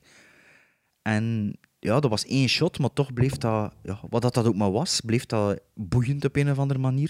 Ik vond de cinematografie ook heel mooi. Ja. Het spel met de schaduwen. Ik heb de DOP opgezocht, dat is niet echt zo'n bekende, jawel, allee, ja, onder 64 credits op IMDb. En zijn bekendste films zijn eigenlijk Airplane 2, Escape from the Planet of the Apes en eh, The Towering Inferno.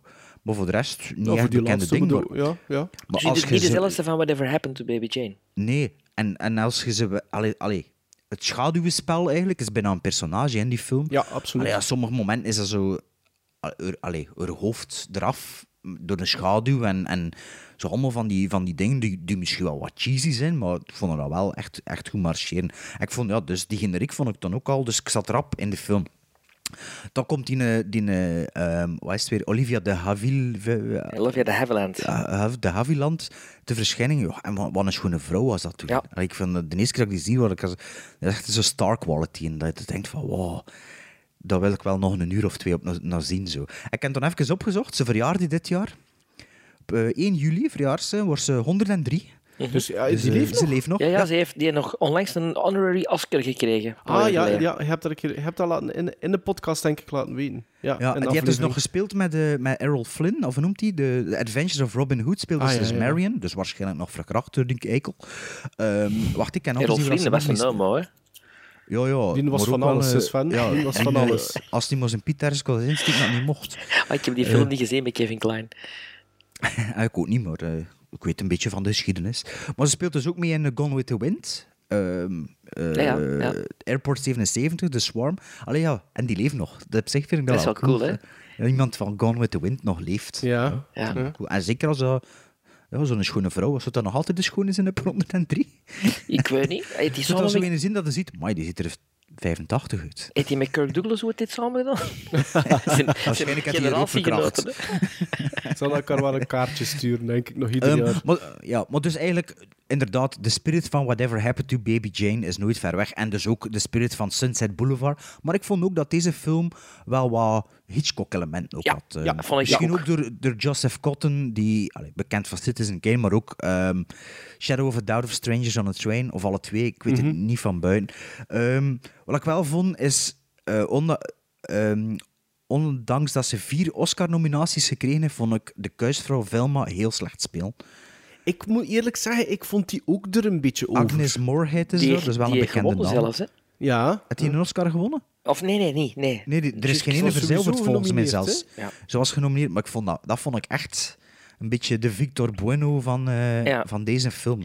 Ja. Allee, ik vond dat, dat Er was zit er ook één moment in dat ze, zonder te spoilen, dat ze iets Als ze oproept uit- van de grond en ze geeft dat aan Olivia de Havilland en dan dacht ik al van, ah ja, maar ja, hey, dat is wel... Nou, nou gaat hier iets, een serieuze signposting doen, hè. Ja, Als ze, zeg nog een keer als ze wat heet. Dus iets van de ze- grond oprapt. Ze roept van de grond, eh, al die brieven. Ja. Al die brieven. En ze roept er één op en dus erop, biep het maar weg. Ze, en ze geeft dat aan Mirjam. En je ziet zo met een close-up dat erop staat. En ze ziet zo Ja. aan Mirjam. Dan denk ik van, ja... Ah, maar ik dacht op dat moment nu wel niet of dat dat, dat nieuwe informatie was eigenlijk. Ja, ik vond dat dat... Dacht van, oei, amai. Dat ja, dus maar- Betty maar- Davis speelt... Het kon, hè, want het, uiteindelijk... Allee, ja. Ja, ze kreeg niet zoveel van uit, overal. hè. Ja, voilà. dat maakt niet zoveel uit, het is een dwaalspoor, hè, natuurlijk. Ja. Ja. Maar ik vind ook, ja, Betty Davis speelt dat bipolaire, dat, dat schizofrene speelt ze fantastisch. Ehm, En de cameo van de- Mary Astor als Ja. Jewel.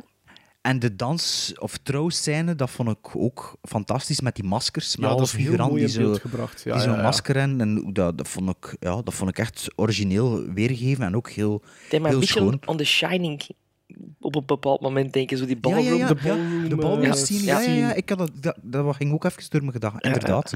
Ehm, dus al bij al, eh, zeker een aangename verrassing. Misschien een klein beetje te lang. Of misschien, ja, ik weet het niet, maar een klein beetje...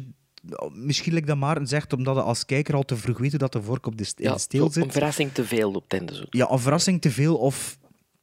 Ja, dat einde mocht, mocht iets beter is, het is niet alleen zijn. dat, het is niet zeggen. alleen dat. In het moment dat je het weet, heb je ook als kijker... Ik kan me voorspel- voorstellen dat er bepaalde kijkers zich niet in dat plannetje en de slaagkansen kunnen vinden. Want...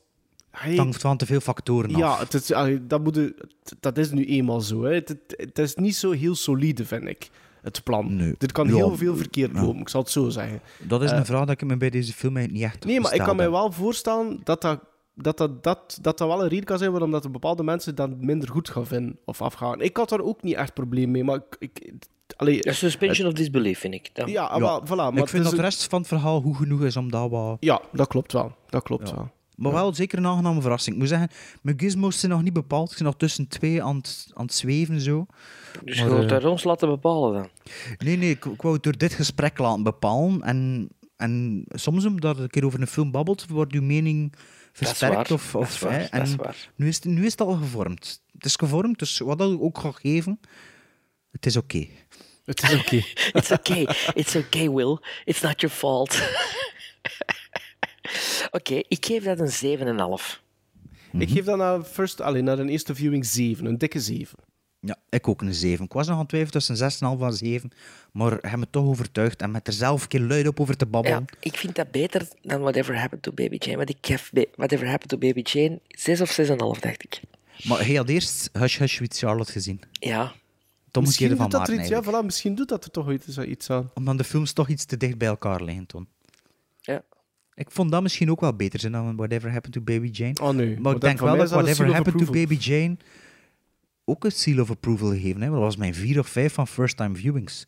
ja, ik niet. Dat weet ik nog. Ik was er echt... Ik had er meer Dus- van verwacht. Dus misschien eh, herinner, herinner ik me niet meer hoe ik van Whatever Happened to Baby Jane film. Ik weet het niet meer.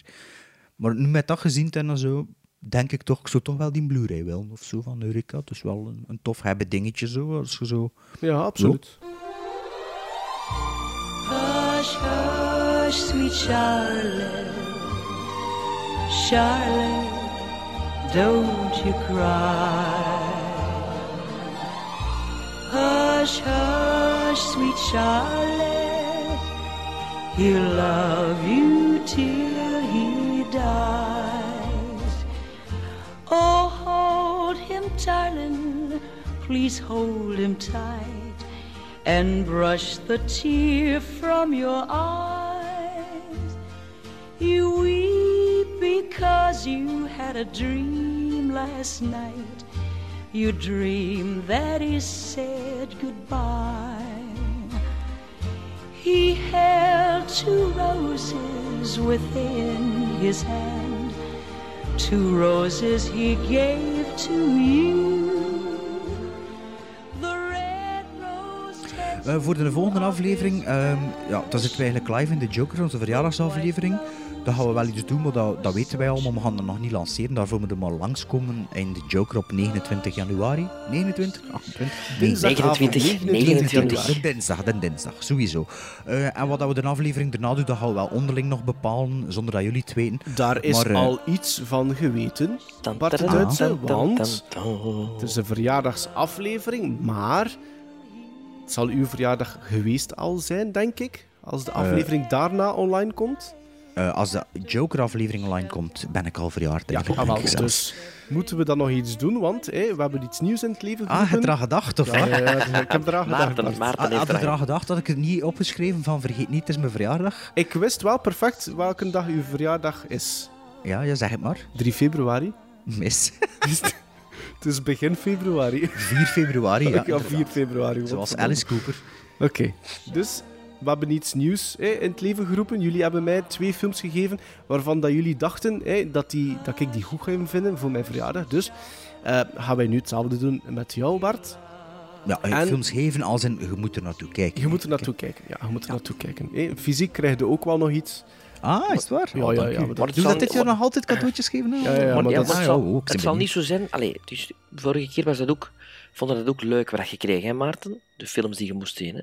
Absoluut. Ja, Dus ja, ja, ja, absoluut. Dat, is, absoluut, dat is de bedoeling. Hè. Dus het, is dat- niet, het is niet een kloot aftrekken. Nee, ik heb het is ook, geen eh, musical, het is geen Ik heb ook de, de, de, uw IMDb-watchlist uitgepluist, Bart. Helemaal? Een paar, eh, ik, ik zat redelijk ver. En ondertussen wat tof, titels, ja, en ondertussen wat titels eh, doorgespeeld naar Sven. Wat kunnen dienen en dienen. Dus, de keuze is gevallen. Enerzijds eh, op een film uit 1979 Ja? en een film uit 1994. In twee volstrekt verschillende genrecategorieën. Oké. De film uit 1979... Maar wie heeft er welke film gekozen? Eh, Sven heeft de tweede en ik de eerste. Ah ja, oké. Dus de film uit 1979 heb ik gekozen. Eigenlijk omdat we alle twee eh, in onze top 10, eh, Bart, een film hebben besproken, of toch aangehaald, van een regisseur eh, van een film, eh, namelijk Paul Schrader. Ja? En dus ja. gaan we kijken naar Hardcore uit Ah ja, ik 1979. dacht dat dat ging zeggen. Met Cool. Peter George, Boyle. George C. Scott en inderdaad Peter Boyle. Ehm, ja, het dat gaat die een over... luisteraar eens een top 10 had, hè? Je moet niet Klopt. zeggen waarover dat gaat. Ik zal Moet het ik wel het zien, zelfs maar... niet zeggen? Ah, voilà, kijk, dan moeten we dat het niet zeggen aan mij. Ja, dat van Ah, mij... jullie, hadden, jullie die ook gezien eigenlijk al? Nee, nee. Ah ja, dus je wilde eigenlijk ook gewoon die film zien. Ja. Klopt. Ja. Ja, ja, oké. Dus je weet niet of dat ik dat per se een goede film ga vinden. Ik denk dat jij dat wel een goede film gaat vinden. Ah ja, oké. Ik denk dat ik dat ook wel een goede film ga vinden.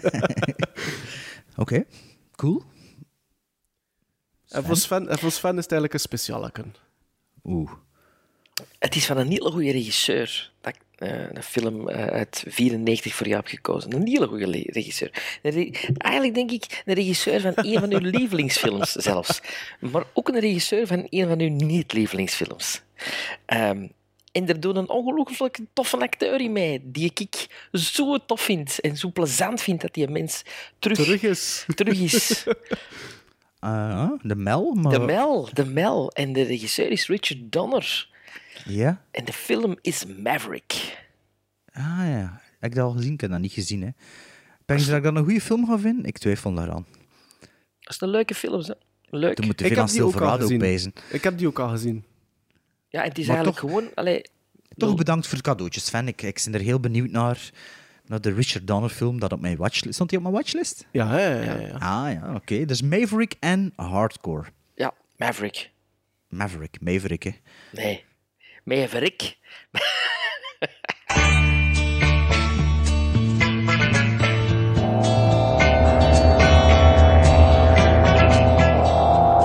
They wanted to see something different, but something different saw them first. The hills.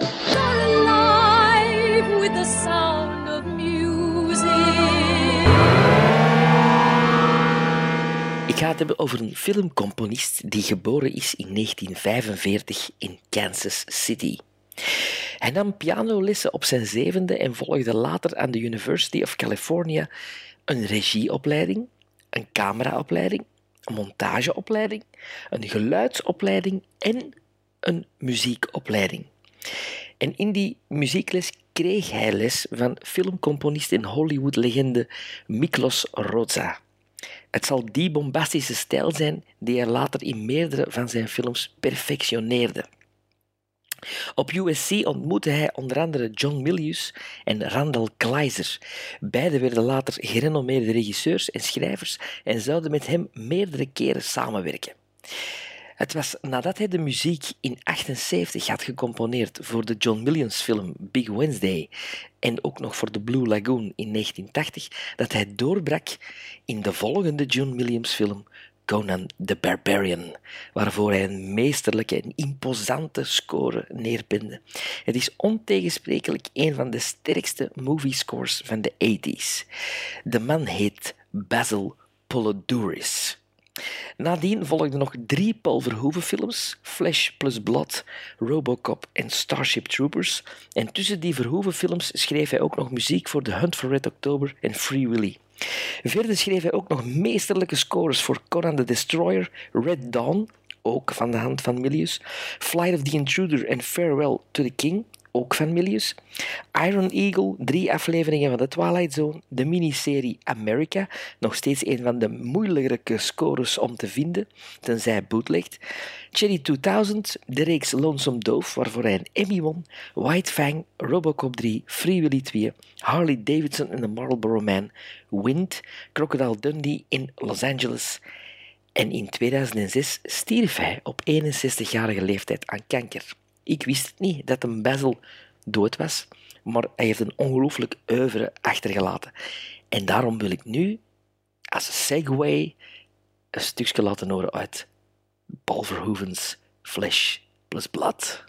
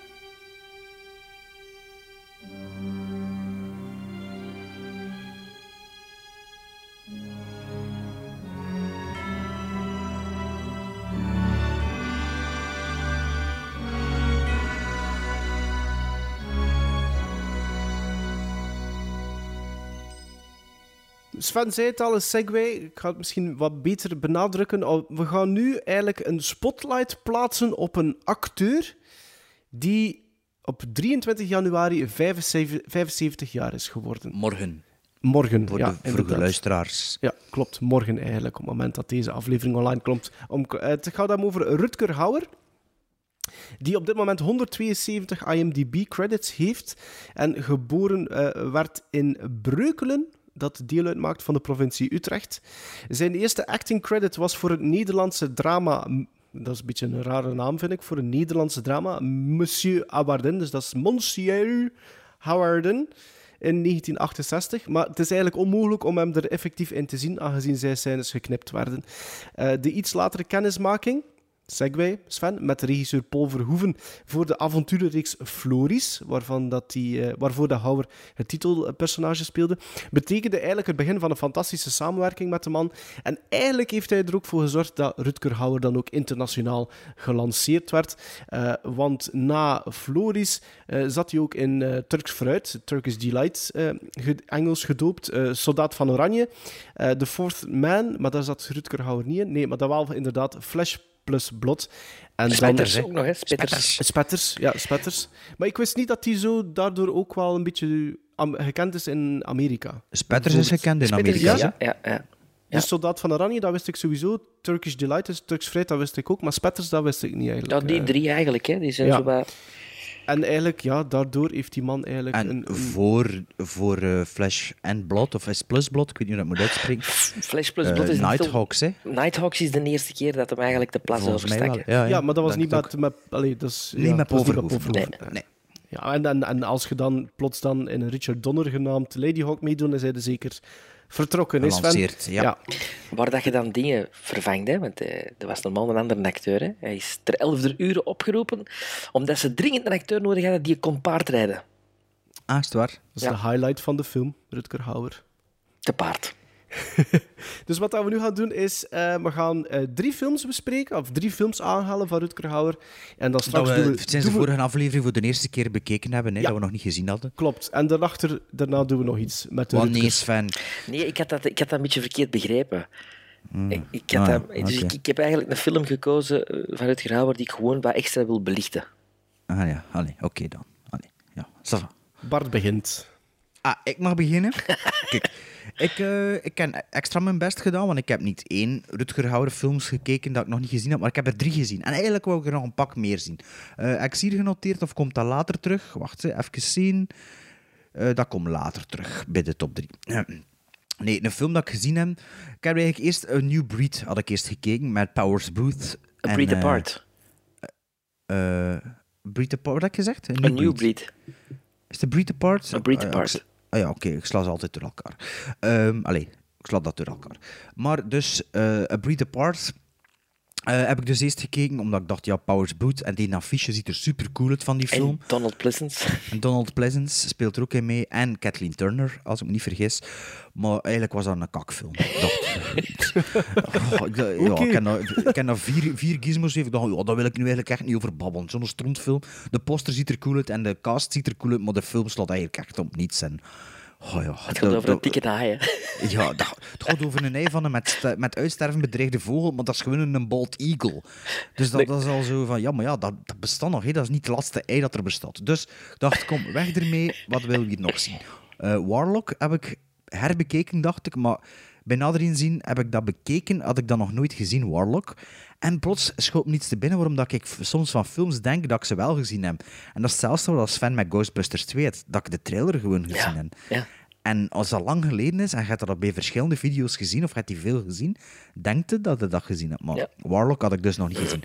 maar een andere film dat ik nog niet gezien heb, is een film van 1992 van de regisseur van The Burning, Tony Maylam. Een film van 90 minuten, perfect voor mij. Split Second, met Rutger Hauer, Kim Cattrall en ook een minder grote rol, een naam dat ik hopelijk nooit in een dicté moet schrijven, Pete Postlethwaite. Postlethwaite. Postlethwaite. Voilà, Postel, Postlethwaite. Kun je het schrijven? Ja, Postle, W-A-I-T-H-E. Nochtans, hebben die goed uitgesproken tijdens uw interview met Shane Berfoots? Ja, ja, ja, als ik er niet bij nadenk, dan kan ik dat. Hè. Maar ja, kijk. eh, waarover gaat Split Second nu? 2008. Het toekomstige Londen. Grote delen van de stad staan door het stijgende water blank. Een, een agent die recentelijk zijn partner heeft verloren door toedoen van een vreemd wezen, wordt nu door datzelfde wezen achterna gezeten. Hebben jullie die film gezien? Nee. Nee. Wel, kan ik je zeggen, voor mij is dat een film, Rutger Hauer film zoals een Rutger Hauer film wil zien. 90 minuten lang Rutger Hauer dat zijn, zijn, zijn mag uitleven in een soort post-apocalyptische wereld, zo Escape from New York-achtig, ehm, Terminator, een beetje Predators 2, Aliens, The, The Thing, zo'n B-film rip-off. Waar ik eigenlijk ook wel een sukker voor is. Als ik dat denk, Ja, Demolition Man vind ik plezant, Johnny Mnemonic vind ik plezant, wel Split Second. De eerste, de eerste helft van die film was echt zo van, fuck yeah, dat is hier echt mijn ding. Dat is hier, mag niet naar een 7, de 7,5. Ik amuseer me rot met die film. Eh, een toffe premisse ook, omdat in Londen het water stijgt.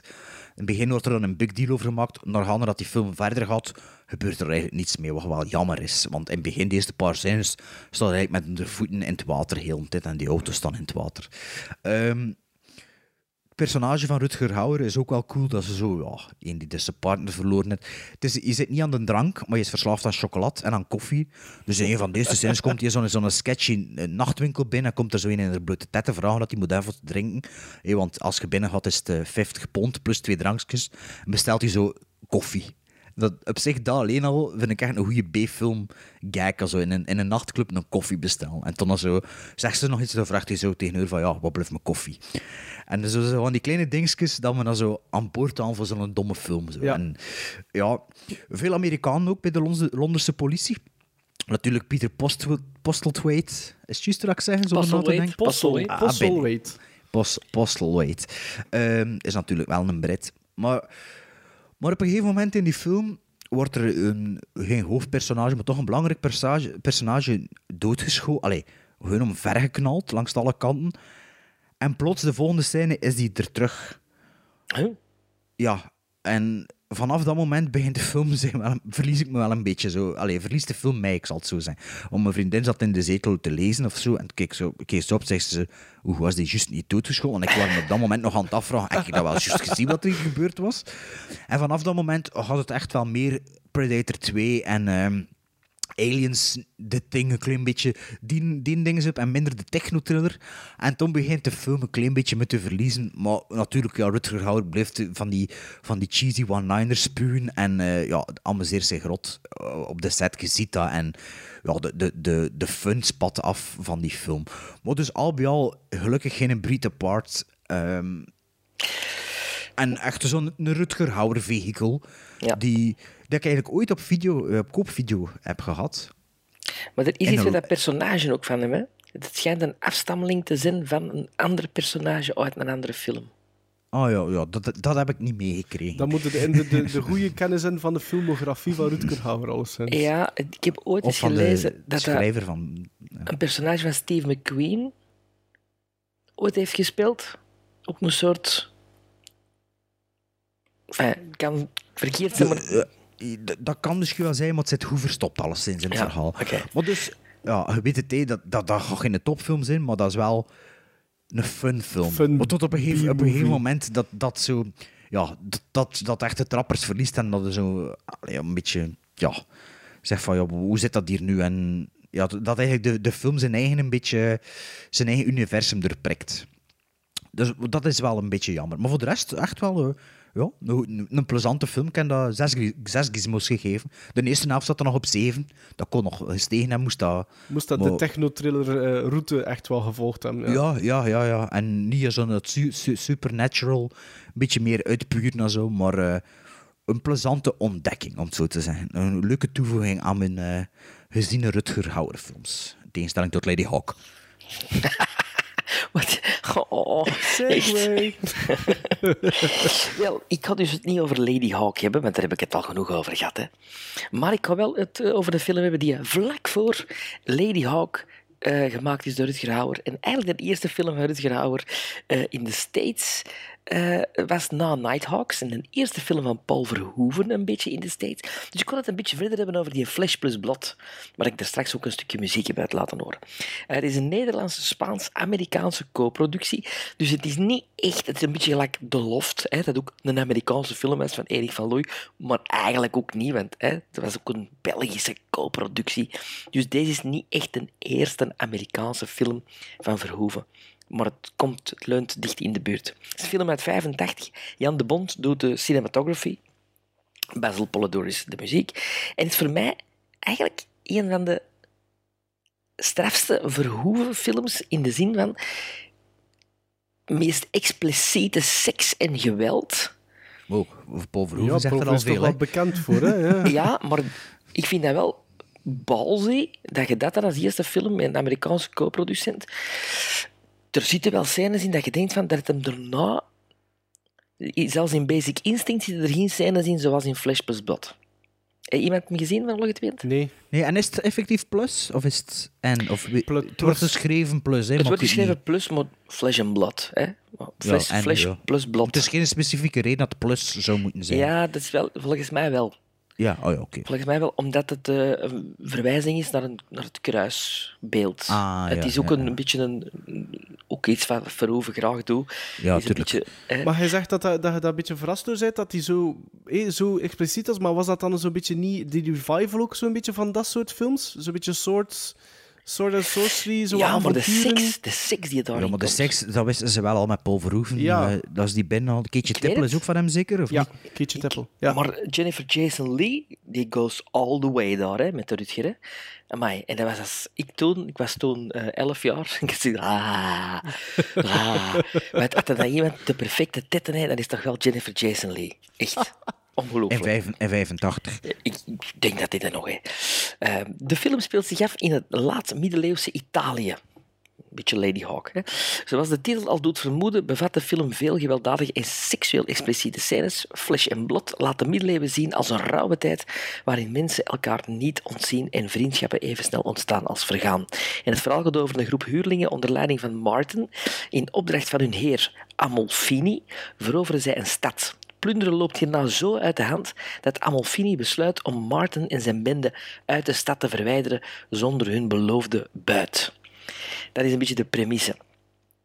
Ik vind dat een hele straffe film. Eh, Tom uh, Hurlinson is de derde hoofdrol. Je hebt Rutger Hauer, Jennifer Jason Lee en Tom Hurlinson. Het is zo'n beetje een driehoeksverhouding tussen die drie. En Tom Hurlinson kennen we het best uit eh, de film The Man from Snowy River. Of dat zegt al totaal niks. Nee, Tuur- dat zegt me tuurlijk niet veel, nee. Dat zeggen wij allemaal niks. Ah, film met Kirk Douglas, een heel bekende Australische film. Ja, en je hebt ook The. Return from Snowy River, dat is met Brian Dennehy. En hij speelt de man from Snowy River, Tom Hurlinson. Enfin, Oké. maar In Flesh beide Blood, films of in alleen de eerste? eh, in het tweede ook. Maar dat is Brian, Ah, ja. Brian Dennehy is daar dan de, de Kirk Douglas rol. Zo. Ja, ja, ja. Maar Flesh and Blood, allee, niet, niet gezien al het Maar weer. ik wil die eigenlijk wel... Al, al- de- ik, heb, ik denk zelfs dat hij al een paar keer zo in mijn winkelmandje heeft gezeten op Amazon als ik zo van die bulk buys aan doen was. Ehm, maar ik zou die heel graag gewoon... Al, is maar omdat het eigenlijk de eerste ja, internationale of Amerikaanse co-productie met van Paul Verhoeven was. Dus dat, dan... allee, ja, dat spreekt mij ja, dan wel aan. ik, ik, ik heb die nog niet gezien, omdat ik... Ja, zo Swords and Sandals en, Sandals en Sorcery films... Ja, maar het is niet meer sorcery. Het is niet sorcery, Eh, maar maar het is ja, wel, het is nee. wel ja, swords. dat, ja, Zo- dat is ja, mijn ding zo niet. Maar ik ga dat wel ooit een keer bezien. Hè. Ik bedoel, ik wil ik Jason Lee... eh, Jason... Jennifer Jason Lee. Jennifer Jason Lee Arteta wel zien. hè. Ja. Allee, dat is het Ja. probleem niet. Dus, eh, Dat is het probleem niet. Ehm, Bart, ik zit volledig op dezelfde lijn als jou. Dus een beetje de aflevering waar dat we beetje buddies aan het worden zijn. Had je ook. Split Second gekeken, of wat? Nee, nee, nee. nee. Maar Ah, nee. ik zie ook Rutger Hauer het liefst in dat soort van film. Waar dat hij zo'n beetje de badass mag zijn. Niet altijd even solide misschien staat te acteren, maar dat hij zo zijn ding gewoon doet. Ehm, en van dat, ja, een beetje low-budget, post-apocalyptische films. En ik, ik wou al heel lang een film eh, bekijken die in mijn collectie zat. En ik maar, allee, shit. En vooraleer dat ik, dat ik naar, de, naar mijn kast ging, eh, probeerde ik er wat zaken van op te zoeken. En ik zo van... En ik was die titel aan het intypen en dat gaf niks weer. En ik zo, allee, dat is een superbekende VHS, eh, VHS-cover. Ik zie dat gewoon voor mij van in de videotheek. En was dat erop? Zeg het een keer, Eh, misschien Rutger. Hauer zijn, zijn... Ja, ja, maar ik ga het uitleggen. Hè. Rutger Hauer zijn hoofd met zo'n lint over zijn De ene oog. ja. windel. Ah ja, Blind ik- Fury dan. Nee, nee, nee, nee, nee. En ik zo, allee, dat is toch de Salute of the Jugger? Ja. En, ik zo, en, en dat vond ik dus niet. En blijkbaar is die film veel beter gekend als The Blood of Heroes. Ah, ja, ik heb, ik heb hem ook als Salute of the Jugger, maar blijkbaar moest dat iets Benelux daar geweest zijn of zo. Ik weet het niet. Maar voor mij is dat altijd Salute of the Jugger geweest. Ja, En- in de cinema liep die, die één uitgebracht in de cinema. Ja. Eh, in Cinemetro, weet het nog, je hebt hem daar gezien. Salute of the Jugger. Ja. Dat is echt zo, ja. En is sowieso ook zo in de videotheek terechtgekomen. Maar ja, blijkbaar, als je bijvoorbeeld op IMDb gaat of je probeert er wat dingen op, op te zoeken, ga je The Blood of Heroes vinden. ik weet het, en niet Salute of the. Jugger. Ja? dus waarover gaat die film? Eh, het is eigenlijk een soort beetje post-apocalyptische in een Mad Max-achtige wereld, waar dat er... ehm, ja, een, een soort van extreme vorm van rugby ontstaan is. Je kunt eigenlijk ja, rugby met, eh, met wapens en een hondenschedel. Ehm, en dat spelletje wordt gespeeld. En Rutger Hauer is een van, van die gasten die in zo'n jugger, juggers team zit. En de bedoeling is eigenlijk, allee, de, de film eh, kabbelt verder eh, naar iets, een soort van toernooi dat ze aan kunnen deelnemen voor dan echt wel de eeuwige glorie te verkrijgen. Ehm, maar het bevat alles wat ik eigenlijk graag zie in, in, in, voor een Rutger Hauer film. Het is een Rutger Hauer een Beyond the Thunderdome. eh, ja, het is zoiets. Ja, kunt, Meets rollerball of zoiets. Of ja, ja all, of, the- all of the above. All of the, all of the above. Maar het is Rutger Hauer. Hè. Rutger Hauer die, die in het begin heel badass zit te spelen. Dan, dan moet hij een paar keer ehm, spelen dat hij heel dronken is. En dat gaat hem niet zo goed af. Ehm, maar maar dat, dat, dat, dat hoort bij dat type van film. En dat kijkt lekker weg. en Joan Chen doet erin mee. Joan Chen, die ook in Judge Ja. Dredd dan ehm, bij En in The Sylvester Last Stallone. Emperor. Ja, ja, klopt. En ook een ding is volgens mij een Warlock. Eh, dat Eh, kunnen, weet ik Wetlock. Wetlock. Ja, ja, volgens mij. Volgens mij Wetlock ook? Ja, ja, wacht. Ik had, doe maar verder. Ik kan er tussen opzoeken. Maar veel meer valt er niet over, niet zo, niet- eigenlijk veel meer valt er niet meer over te vertalen. Buiten Ja, maar het feit, zeg maar iets hè, nog, want ik ben het nog aan het feit opzoeken. dat, dat ook in deze film ehm, Wat dan ook weer zo'n Ja, Aussie-landschap... Jen speelt mee in Whitworth. Ah ja, wat dat ook weer zo'n Aussie-landschap is, dat die eh, Hugh Keys Byrne, Hugh Keys Byrne, die in de Mad Max de slechterik speelt, hè, de, ook weer hier eh, de bad guy Lord Vile speelt. En ik vind eigenlijk dat die man, als je kijkt naar die zijn carrière, die heeft eigenlijk wel redelijk wat nog gedaan. Is dat geen Cameron-film? Salute of the Jugger? Dat zou wel kunnen. Dat zou wel kunnen. Maar die mag eigenlijk wel wat krediet hebben, ze. die toe cutter in de eerste Mad Max.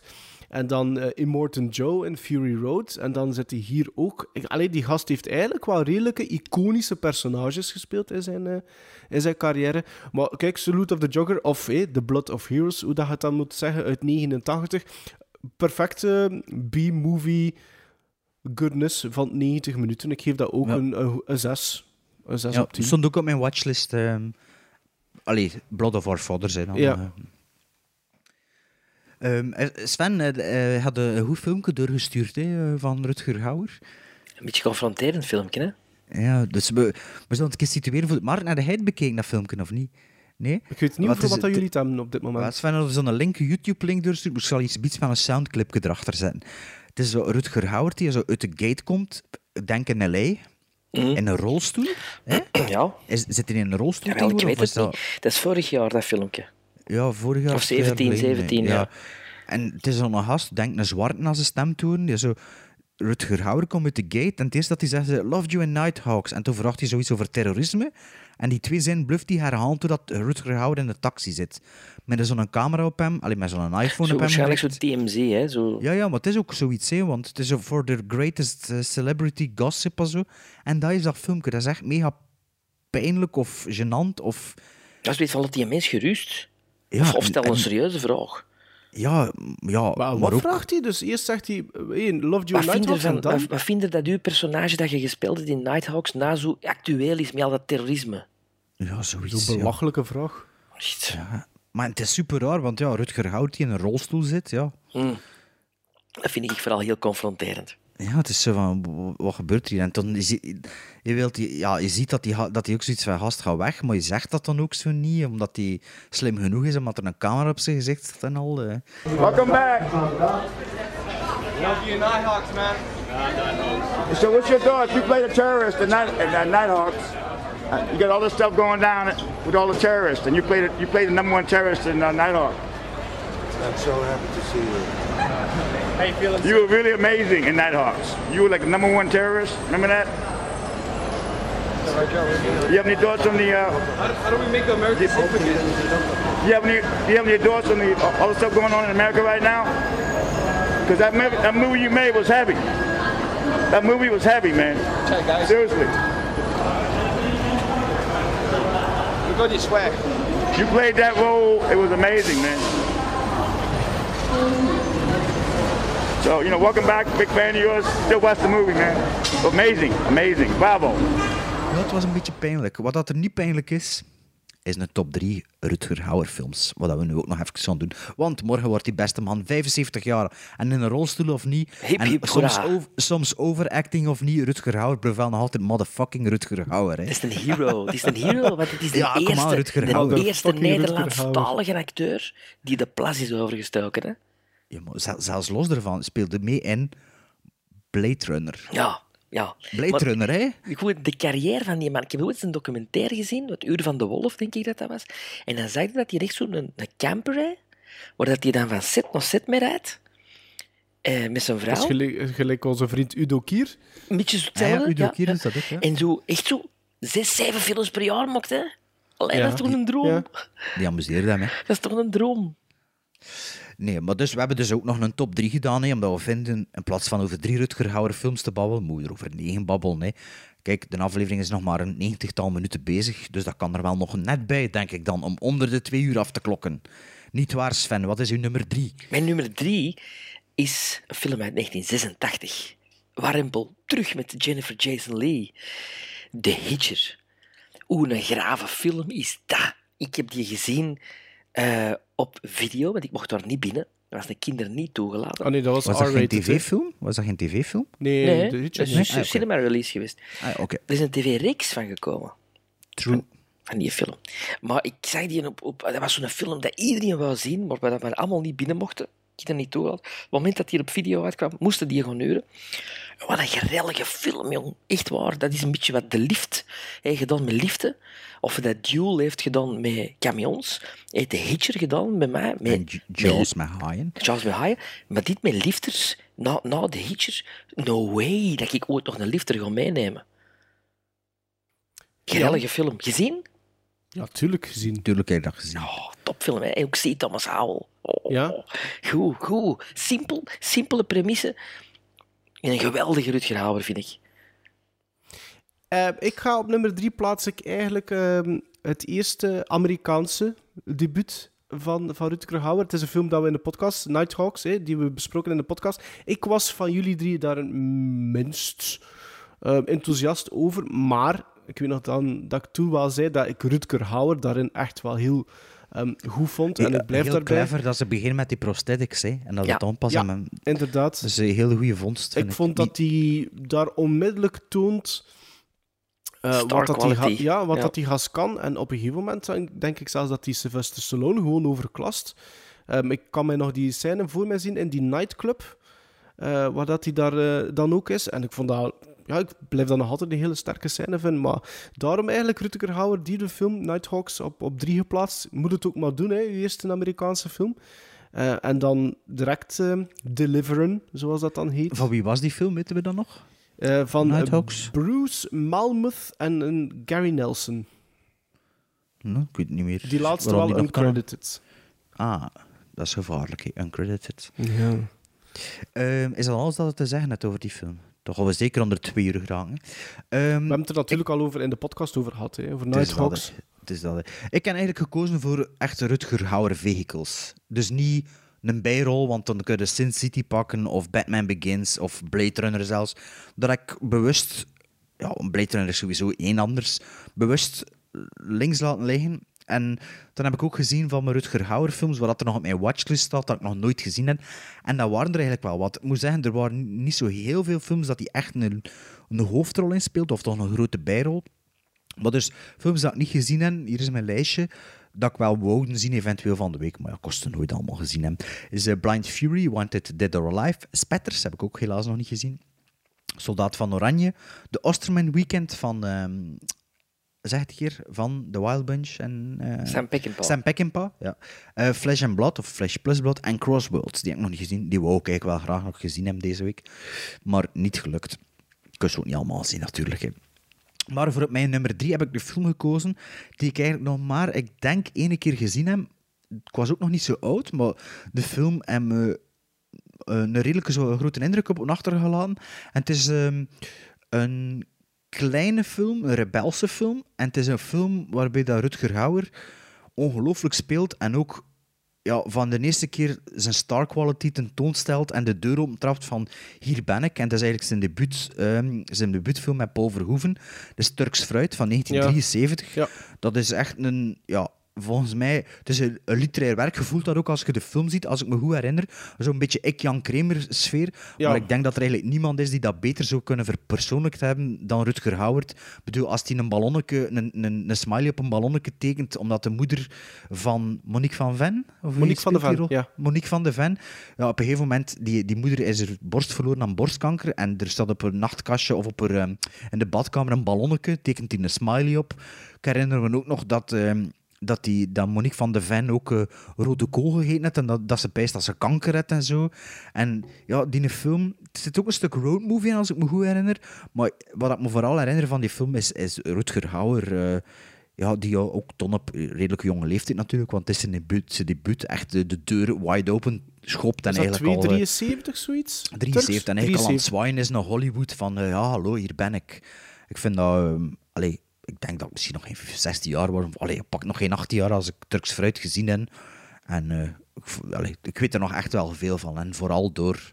Maar je zegt dat goed, want ik, ik, ik heb Turks Fruit één keer gezien toen ik hem eh, de DVD gekocht heb. Dat moet, denk ik zeker tien jaar geleden. En inderdaad, als eh, dat, dat, dat voelt inderdaad ook aan als een literair werk.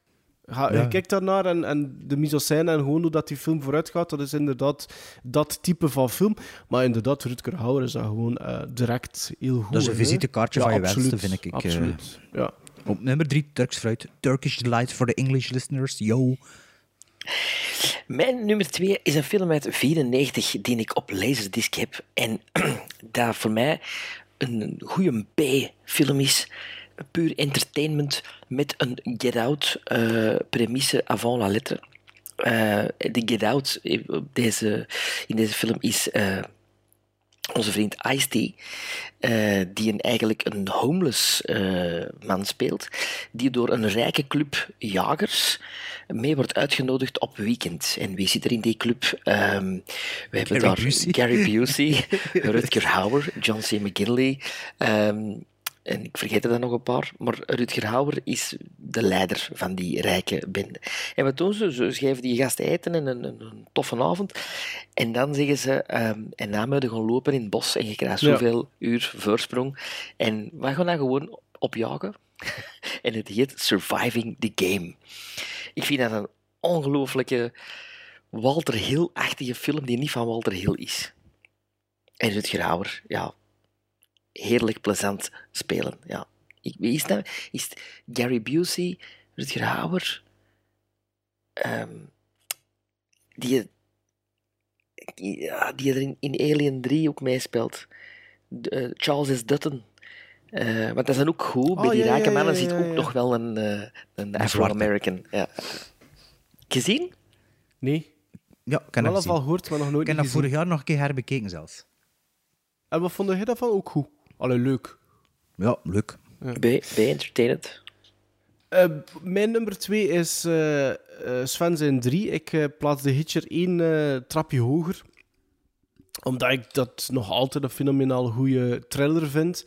Eh, zelfs met hintjes naar het, het horrorgenre. En zelfs op een gegeven moment met het personage van Rutger Hauer. Dat je denkt van hier is er zelfs iets supernatural eh, aan de hand. Als je ziet hoe dat die man waar blijft terugkomen.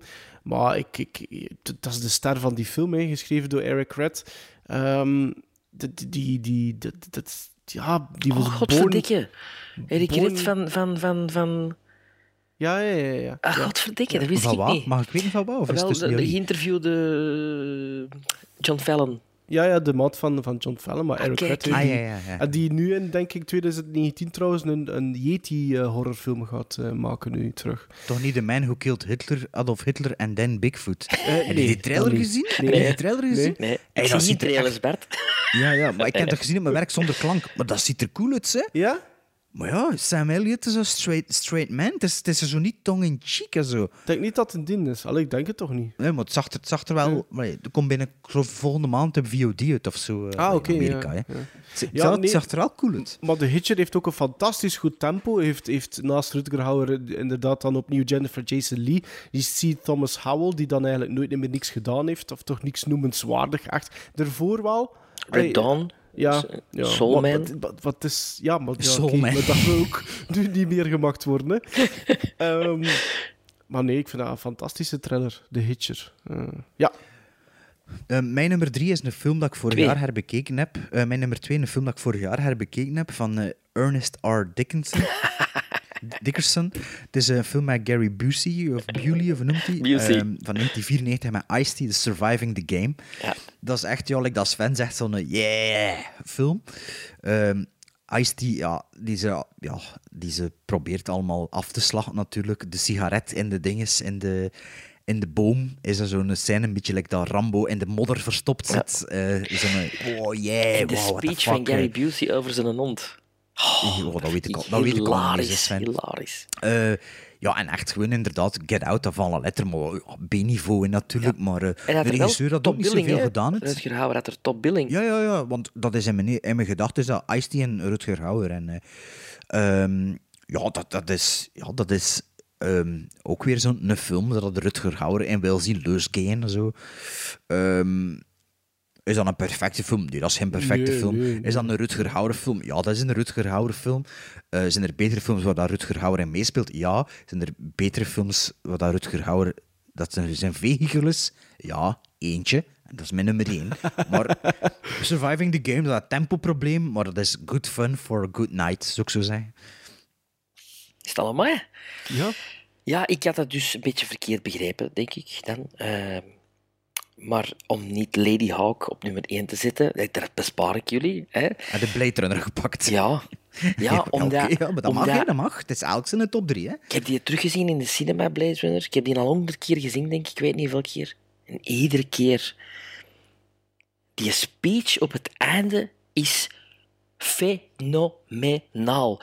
Mokt voor mij ook die film more than perfect.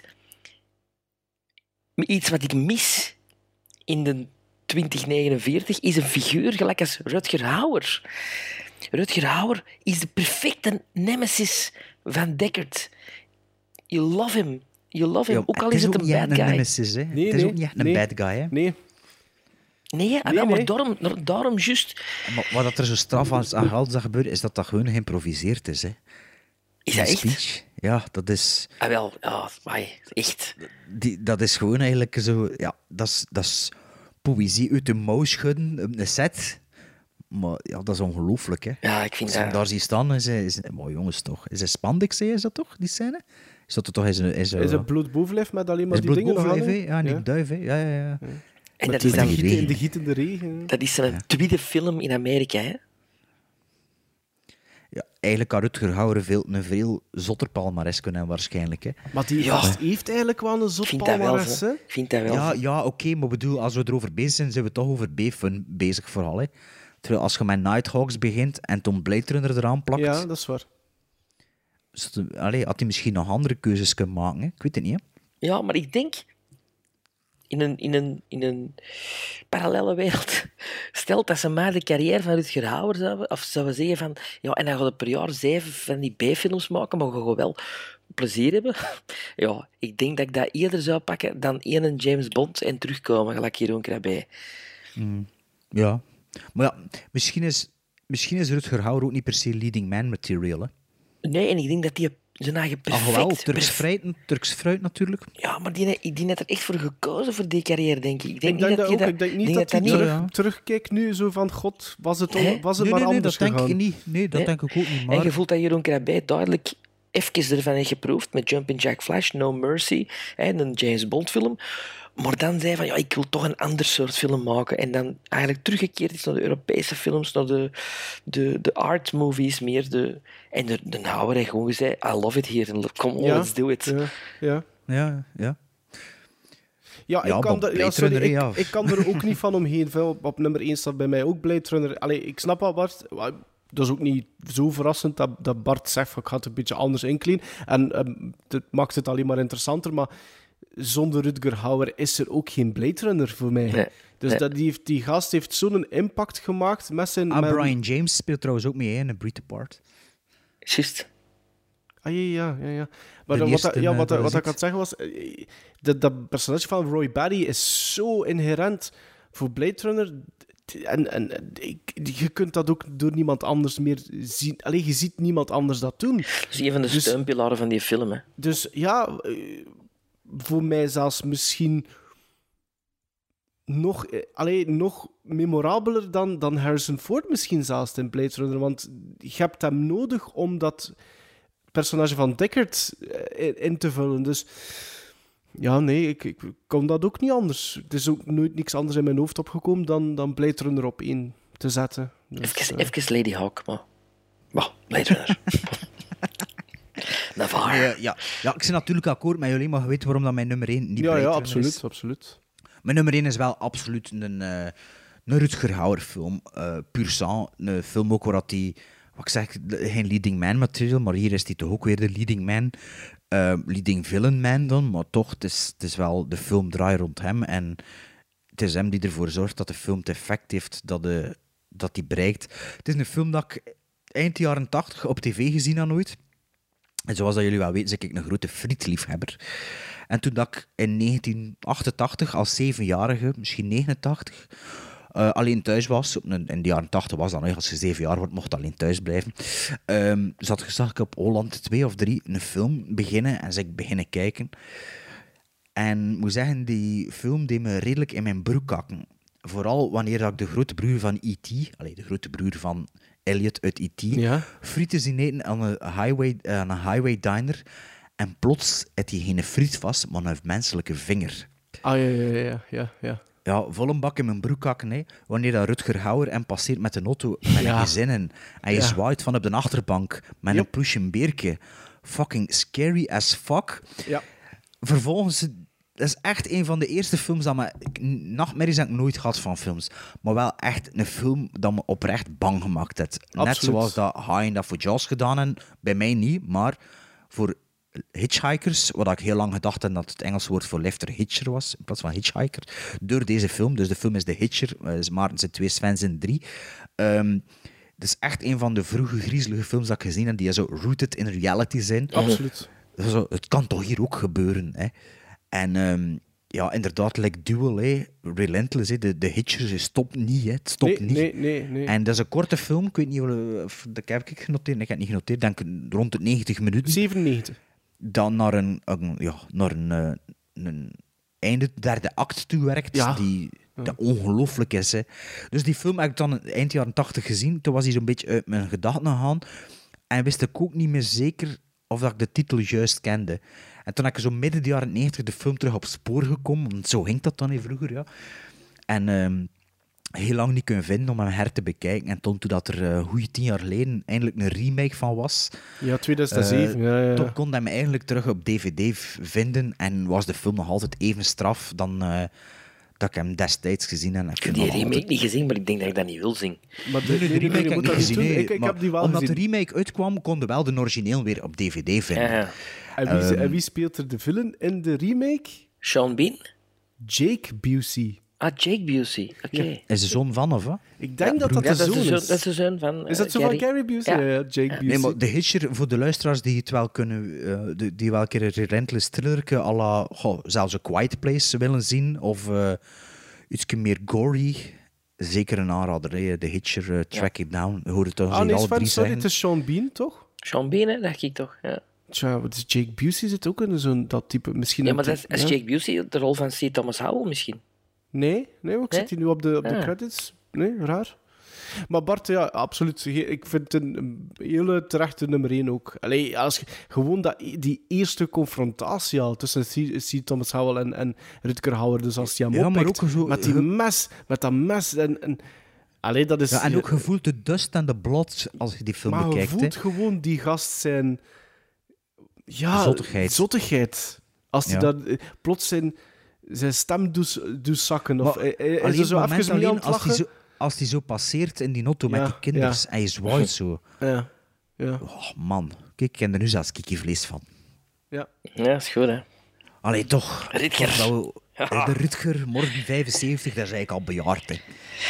Maar, Maar hij in is wel nog altijd goed bezig, is hè? Ja, ik denk ja, dat ik nu al gezien heb dat er in, in 2019 al drie films aan- met post, in post-production zitten en, en twee in pre-production of zoiets. En Dus- Valerian, Valerian heeft hem ook nog maar juist gemaakt, hè. Dus... Ja, en de Sister Brothers speelt hij ook in. hè. Ja, maar ja? die- dat is, ja, het schijnt, hè. Ja. Ik heb het nog niet gezien, maar ik zag het op zijn IMDb. Ja. Ik, heb hem, ik ken hem eigenlijk best als vampier. Eh, Redelijk wat vampiers al gespeeld. eh. En ook De- Van, Argento van, ook, hè? Van Die Helsing heeft hem ook gespeeld, hè. Van Helsing heeft hij... En wat dat is in de Argento-film? Dracula 3D. ja, ja, ja. Ik heb me daar nog mee geamuseerd, eigenlijk. Eh, nee, maar in Buffy the Vampire Slayer hè, speelt hij Ja. de vampier. En in Salem's Lot, eigenlijk een remake van de Stephen King miniserie, speelt hij de oppervampier Met Rob Lowe? Met Rob Lowe. En dan speelt hij nog in Dracula Legacy. Dat is zo'n trilogie die begonnen was met Dracula 2000, denk ik. Juist, ik heb die eh, in zo'n doodskist op DVD Ja, allemaal. Klopt, 2000, eh, ja, Legacy of zoiets. Het is de derde, het is de laatste, Ja. speelt hij ook Dracula. 172 IMDb-credits en toch niet veel slechte. Chapeau. Veel, Chapeau. veel kak, maar wel geen veel slechte Chapeau. credits. The audience has kept this film alive. When the film came out, uh, it was out of the cinema, I think, in a week. I think, right? Yeah. A week for the happy few. And the happy few were uh, like, oh my God, oh my God, how depressing, or oh my God, oh my God, how great. There was nothing in between.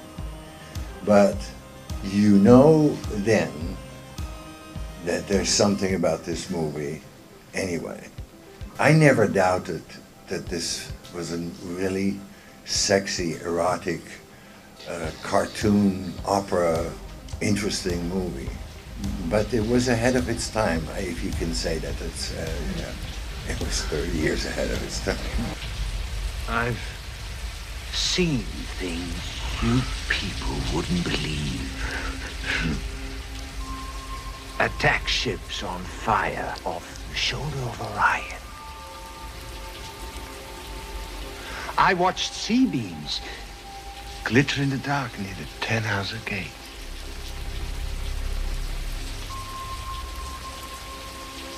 All those moments will be lost in time. Like tears in rain. Time to die.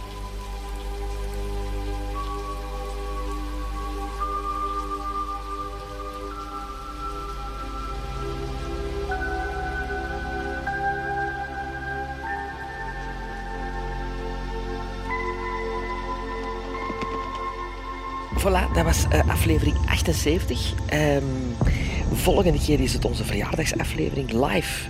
Een live podcast in de Joker. Er is nog plaats. Je kunt nog altijd via mail u inschrijven. Eh blijf ons... strikeback.gmail.com. Voilà, en blijf ons volgen op Letterboxd, op ehm, Facebook of op Instagram of op Twitter. Ehm, en de twee films die we ook nog gaan bespreken volgende keer. Nee, het is een aflevering niet- na de live aflevering. Ah, Ja. ah ja, dat is ehm, Maverick en Hardcore. En het is niet Laura waar ik deze week weer op gehoopt had. Laura? Ah ja, Laura. hey, veel mensen hebben hem toch al gezien, hè? Heb je dat gezien? Ja, ik nog niet, hè. Ik wel, deze middag. Speciaal nog niet gekeken. Ik dacht, ja, ik zal die misschien voor mijn verjaardag krijgen. Maar daar gaan we het misschien de volgende keer over hebben. Oh, of jullie dat onderling, vind ik want wel- ik wil niet weten wat jullie ervan vinden. Oké, oké.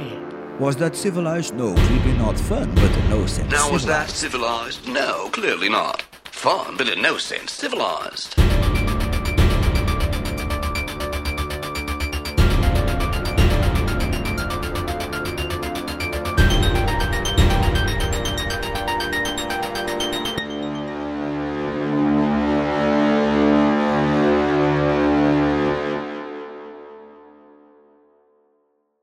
Ik heb Maverick op eh, Blu-ray zelfs. Ik heb op laserdisc. Ja, want dat is betere kwaliteit, hè Sven. Ja, dat is, dat is.